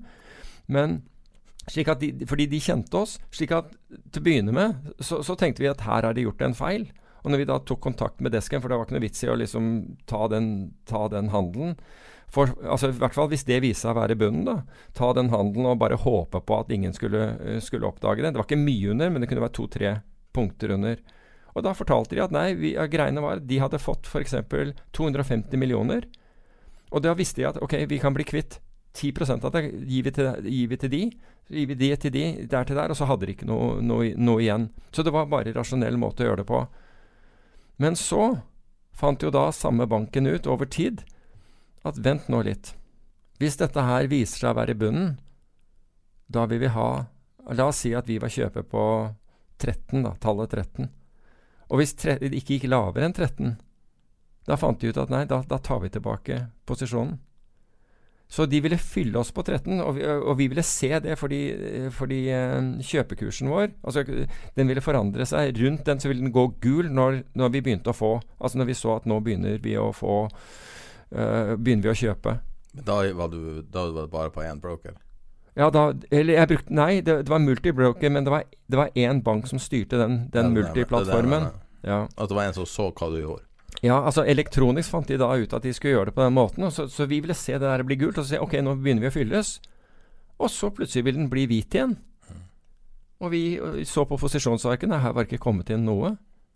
Og så tok vi kontakt, og så nei, nei, det var ikke noe der.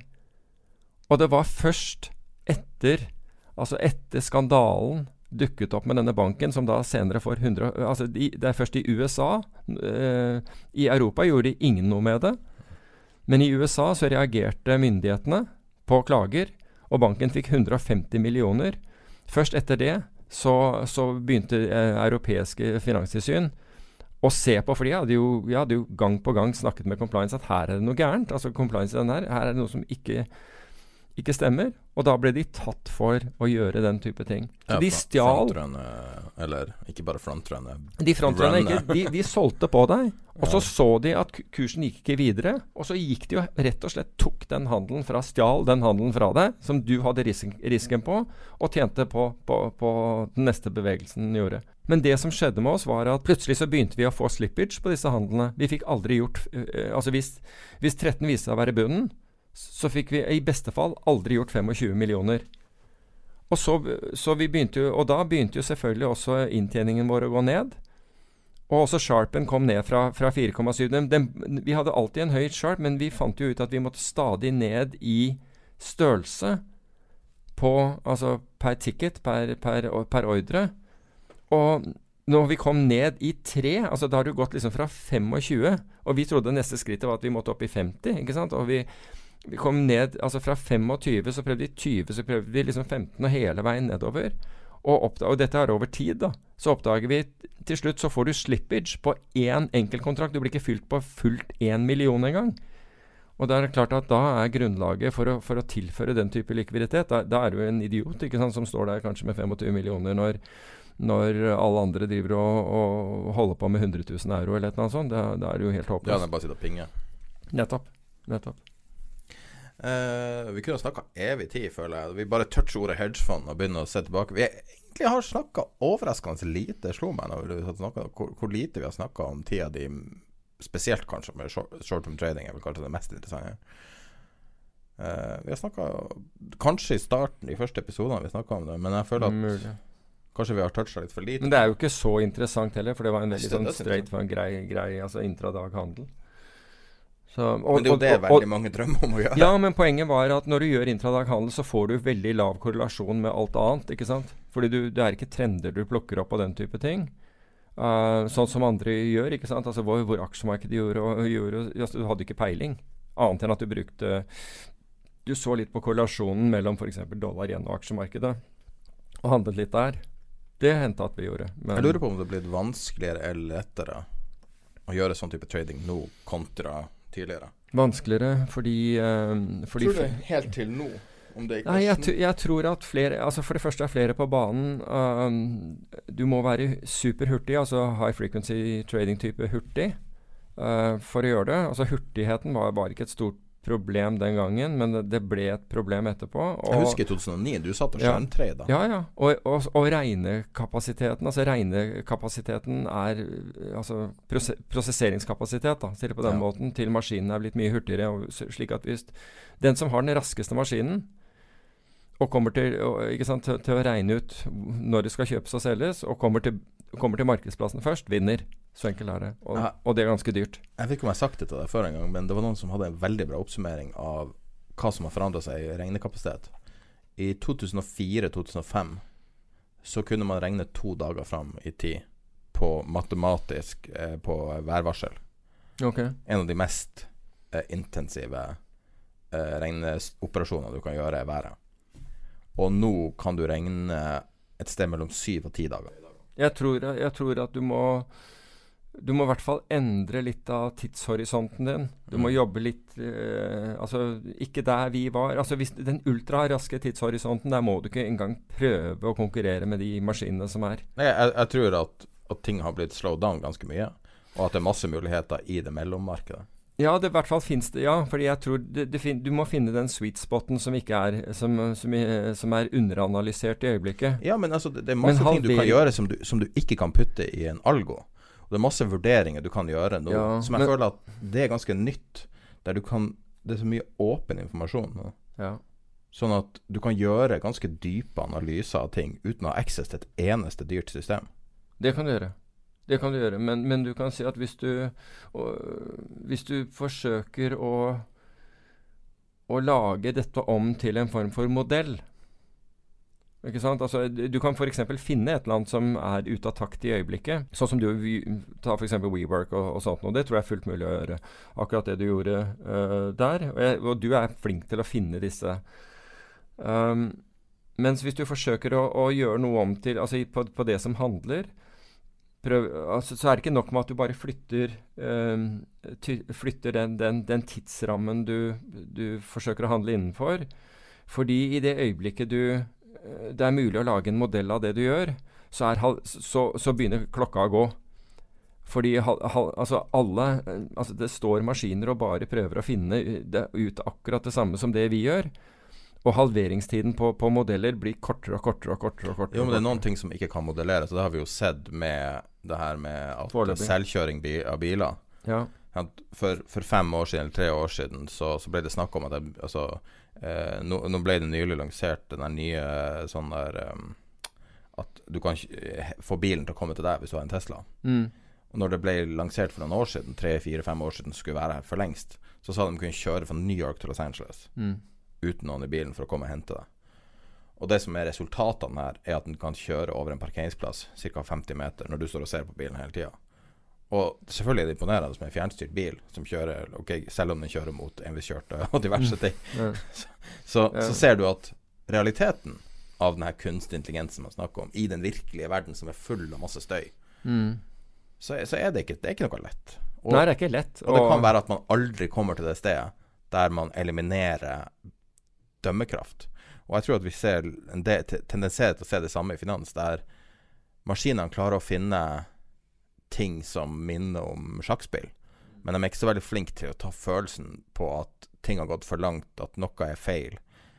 Uh, noe føles feil som du kan etter hvert bevise på andre måter. Og, og det, altså det, er jo det som er Altså, kjøre bil er jo Du har jo tusenvis av inputer hele ja, tida. Ja, ja. Og tenk deg der når du sitter og trader på desken. Det var interessant å se om du kunne gjøre den tradinga du gjorde for mange år siden, da, nå er det mange år siden, mm. tre-fire-fem år siden, om du kunne satt deg ned og gjort den i dag Jeg mistenker at du kunne kanskje komme tilbake til det samme, men du måtte ha en annen approach. Ja, ja. og det er helt riktig, for jeg, jeg, har jo forsøkt å gjøre akkurat det samme, og det funker ikke. Altså du tjener ikke penger lenger? Eller? Nei, altså, det, nei det, altså de, akkurat, akkurat det samme tjener ikke penger lenger. Og det har jeg prøvd lenge nok. Altså for, for, til å begynne med så tenker du at ja, det er bare en periode eller et eller annet sånt, og noen ganger så tjener du, andre ganger ikke. Men, men kumulativt så gjør det ikke det. Nei. Så du må endre. Helt opplagt endre. Men vi har jo snakka om mange f.eks. ideer her, sånn mellomlange mm. ideer, der vi har en eller annen Ja, det går. Det går. Og, og, og, det er noe som Altså, det er noe som er veldig vanskelig i sånne mellomperioder å ha. Eh, altså sånn som Altså, du kan ikke Akkurat nå så kan du ikke bruke prisbok til noe fornuftig. Altså, du har sittet og snakka mm. om prisbok i siste pris, åtte årene. Prisbok er bare en sensor. Én av mange sensorer. Jo, men hvor mange norske ja. eh, finanssynsere har ikke sendt ut prisbokoppdateringer til kundene sine? Jo, men, sier, men det er ikke verdiløst.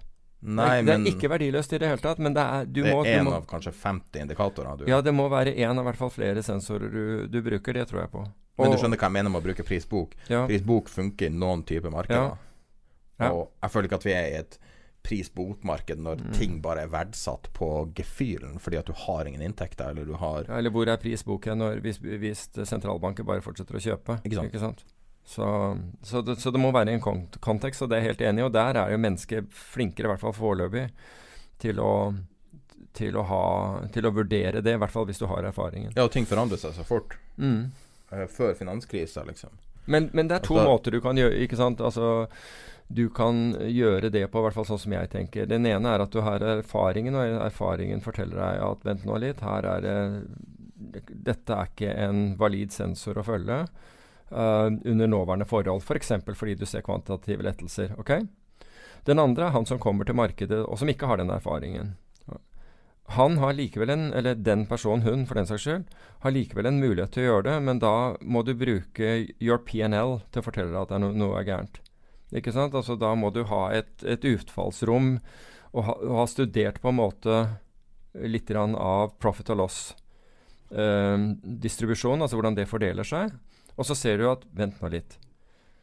Det her er utenfor tre standardavvik. Altså her, det her skal ikke, jeg skal ikke tape så mange dager på rad på å gjøre dette her. Slå av den sensoren. Den funker ikke nå. Men det betyr ikke kast den sensoren. Det betyr bare at tune, tune den ned. Uh, men litt apropos det her, det at verden har forandra seg. Så var du på BI nå. Ja, jeg, apropos det. Jeg skulle akkurat uh, til å nevne det i, i, forbindelse med det du sa. Fordi en av de som, som hørte på det foredraget Bare, bare gå tilbake igjen. Jeg holdt et foredrag på, på BI i, i, forrige uke. og Det var, var noe, noe, som kalles finanskafé der oppe. og hvor man hvor de, de, sa at det var liksom 40-60 stykker som ville, ville, komme på dette, her, og endte med at uh, over 200 hadde meldt seg på. Og I tillegg ble det streamet. Så så en seanse som skulle være i 40 minutter pluss ja, Vi skulle i hvert fall bruke under en time med, med, med spørsmål og svar. Viste seg å, å, være på nesten tre og en halv time. Og det var ikke fordi Og, og det, var, det, var, rett og slett fantastisk. Jeg har ikke vært borti maken altså hvor folk bare blir og fortsetter og fortsetter og fortsetter og fortsetter å stille spørsmål.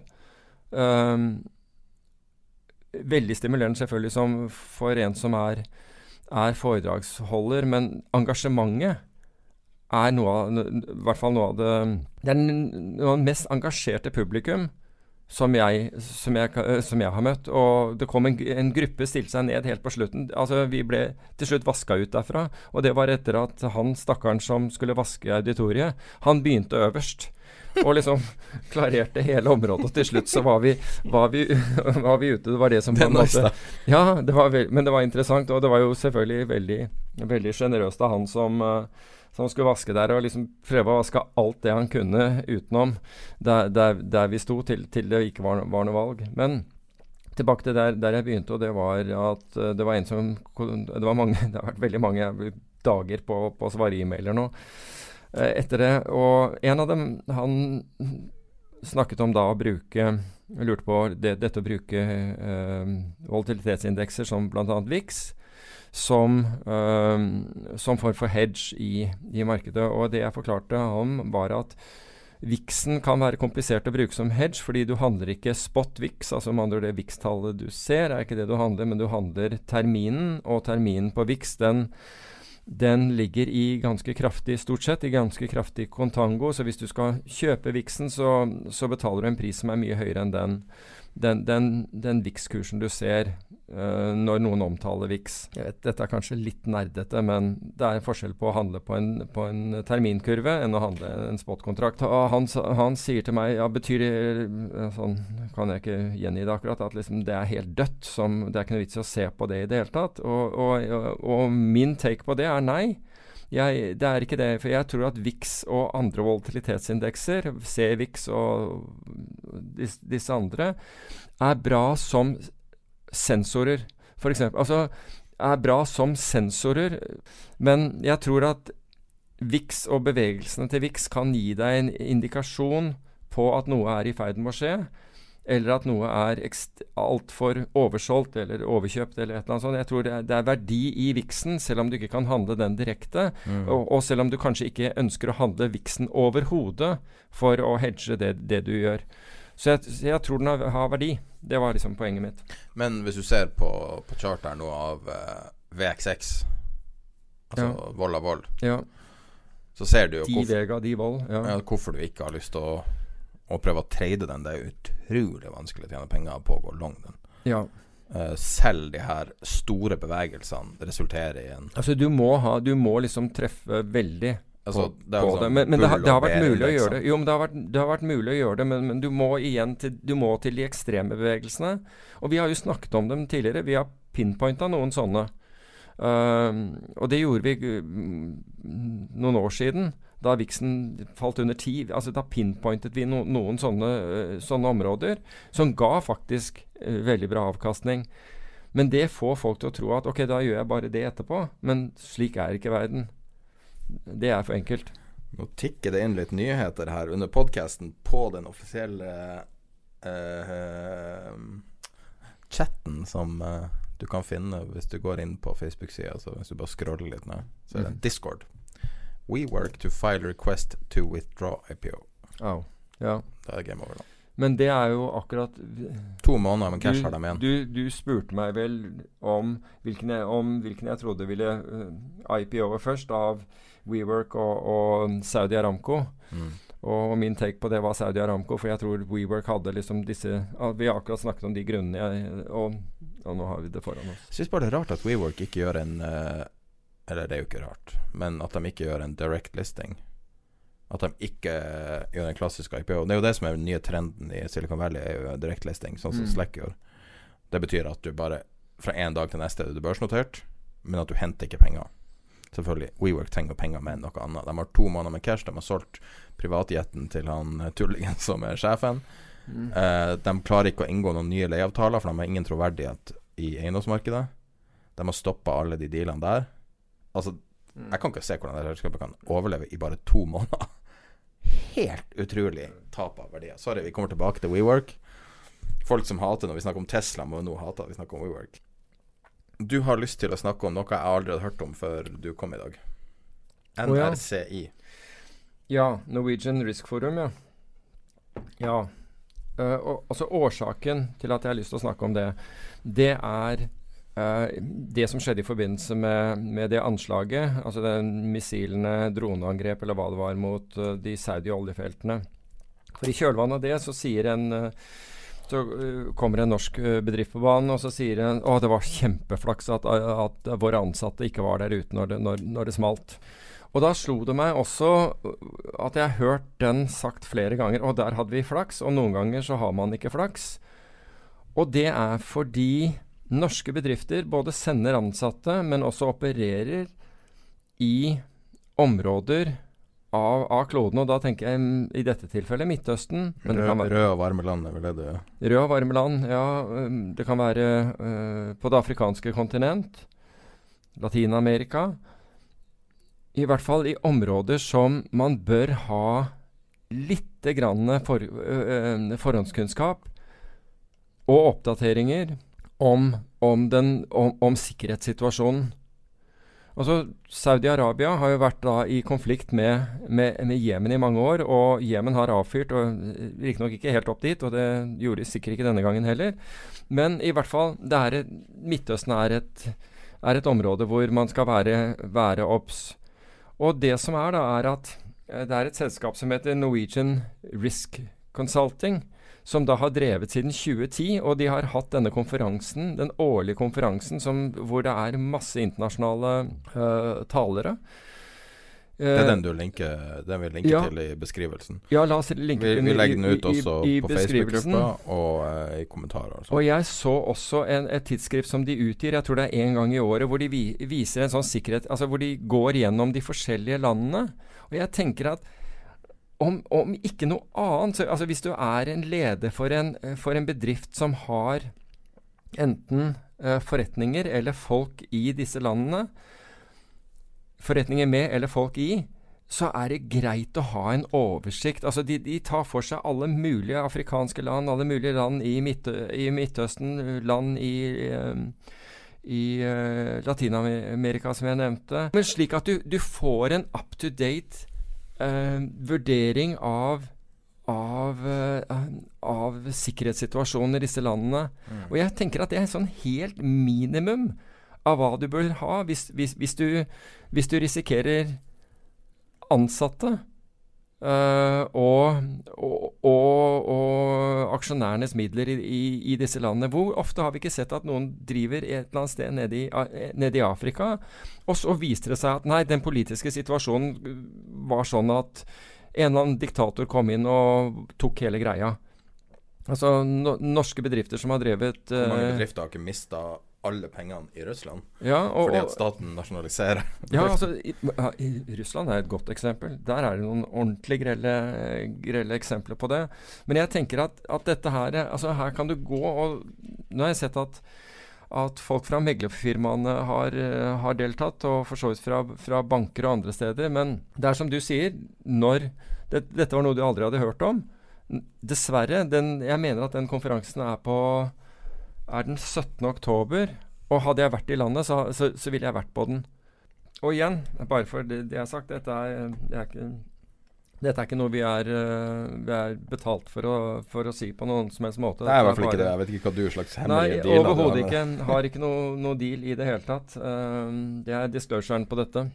Okay. Jeg bare mener at det er, det er fornuft. Før du skal si ei setning om hva du syns om den veldig mye omtalte NRK-serien Exit, så spør jeg litt spontant Har du en anbefaling, enten podkast eller bok eller noe i underholdningsformat som eh, ikke handler om finans? Uh, ja Uh,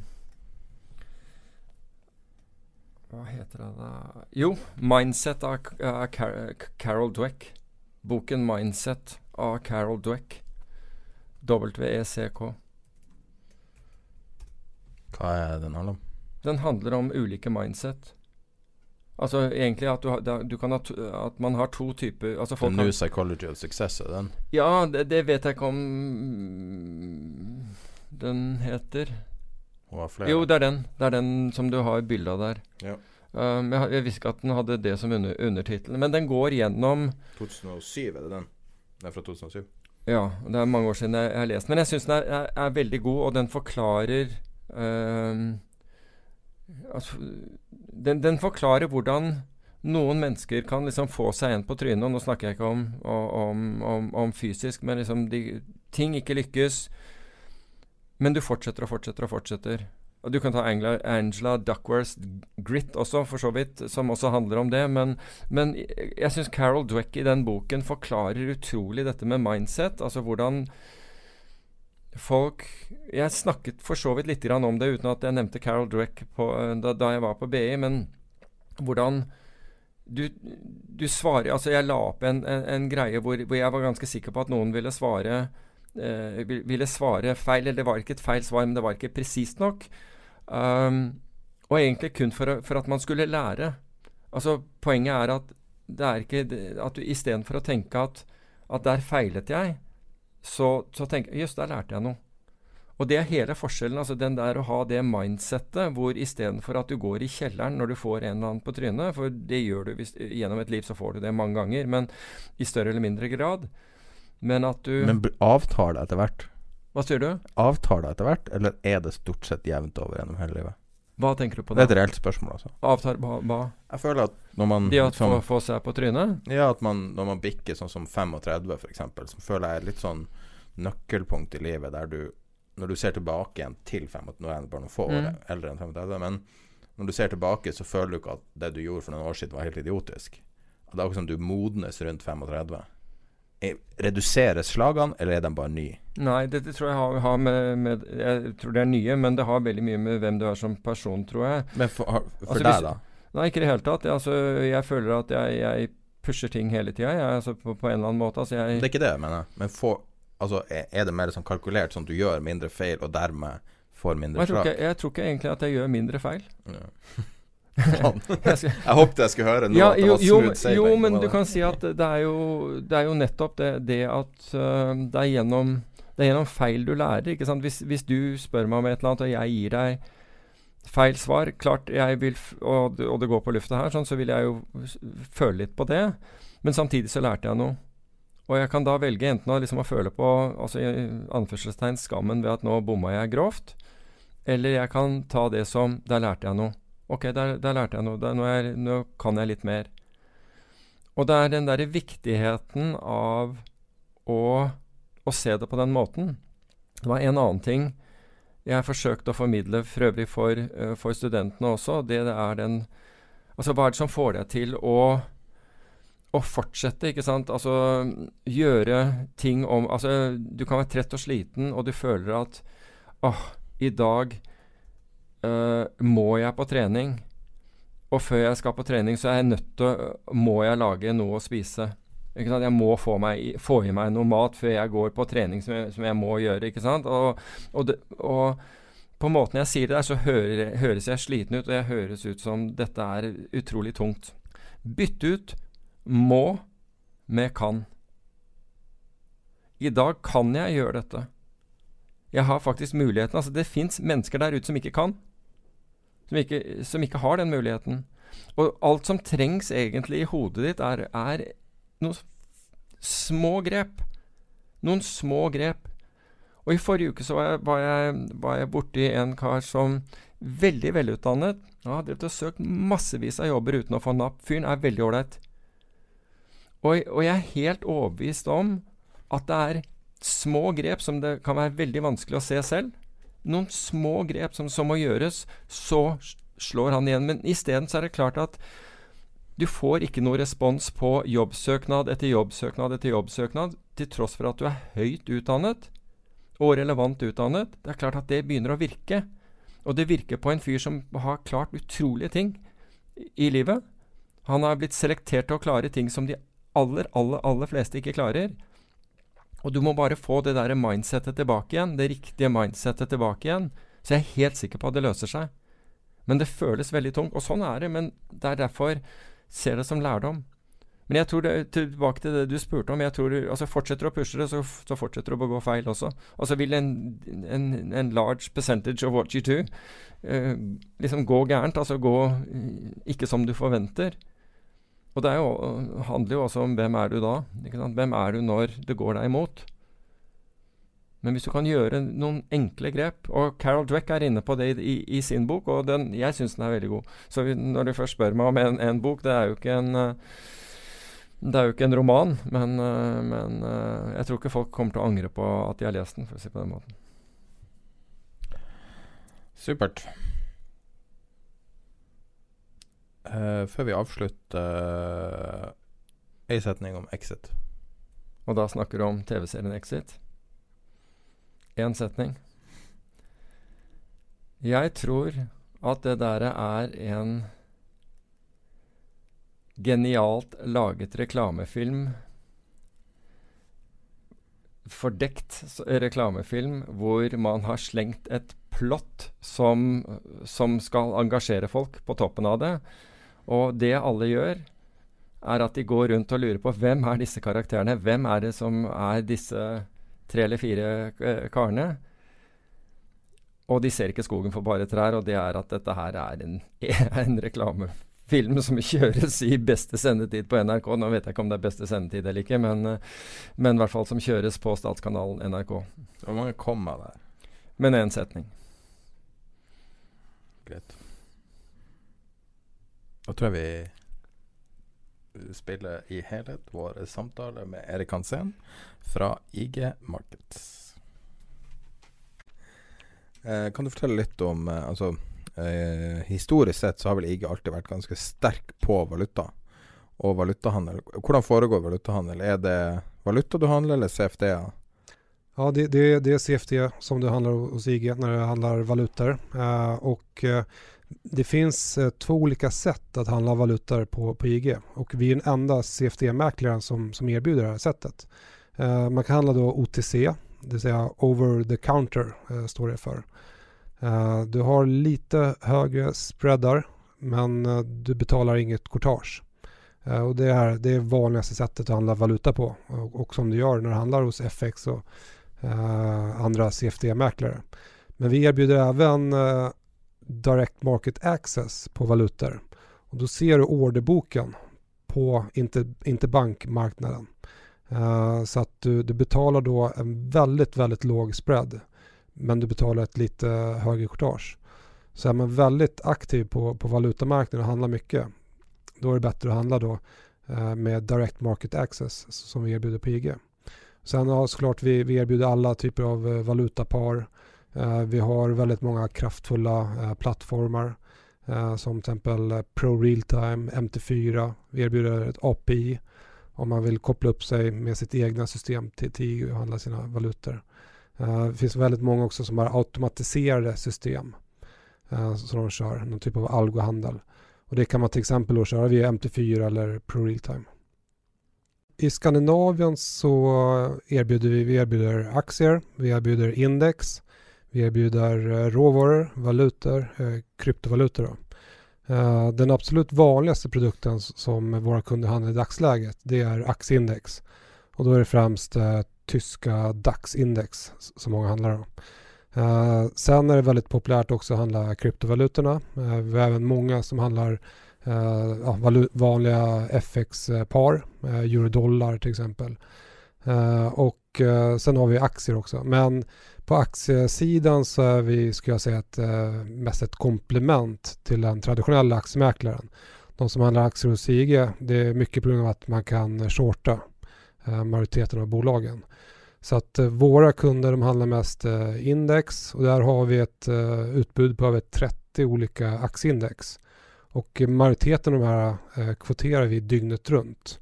Så de går att handla då dygnet runt. Eh, och eh, hur är det möjligt? Jo, utanför börsens ordinarie öppettider då tar vi priset från eh, USA-terminen. I USA då handlas ju underliggande terminen nästan dygnet runt. Den är stängd en kvart sent på kvällen där. Så då tar vi priset från den och sen tar vi hänsyn till kundernas positioner.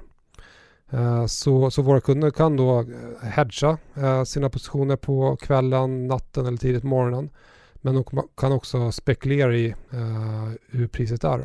Det kan vara så att de tycker att Norge 25 står kanskje litt for lågt eller for högt innan børsen öppnar och kan da spekulere i at IG har en felprissättning. Så att, och sen förutom index så erbjuder vi då valutor Eh, och där kan man då handla antingen eh, OTC eller DMA. OTC är over the counter eh, eller ska man handla DMA Direct Market Access och då ser man orderboken och allting från interbankmarknaden. Och vi är då den enda CFD-mäklaren som erbjuder Direct Market Access på just valutor. Sen har vi ju ett stort utbud av kryptovalutor eh, och handlar man kryptovalutor på IG så behöver man ingen eh, e-wallet som man behöver ha om man handlar på de underliggande börserna. En annen stor fordel er at du ikke har risken at bli hackad. Eh, du har hele tiden tiden motpartrisk om det handler hos noen underliggende bitcoin eller kryptobørs. Og Och det selve prosessen processen komme i gang og handle med kryptovalutor er veldig enkel og snabb eh, på IG sammenlignet med mange andre steder. Eh, sen har du råvarusidan. Vi erbjuder nesten 40 ulike olika råvaror.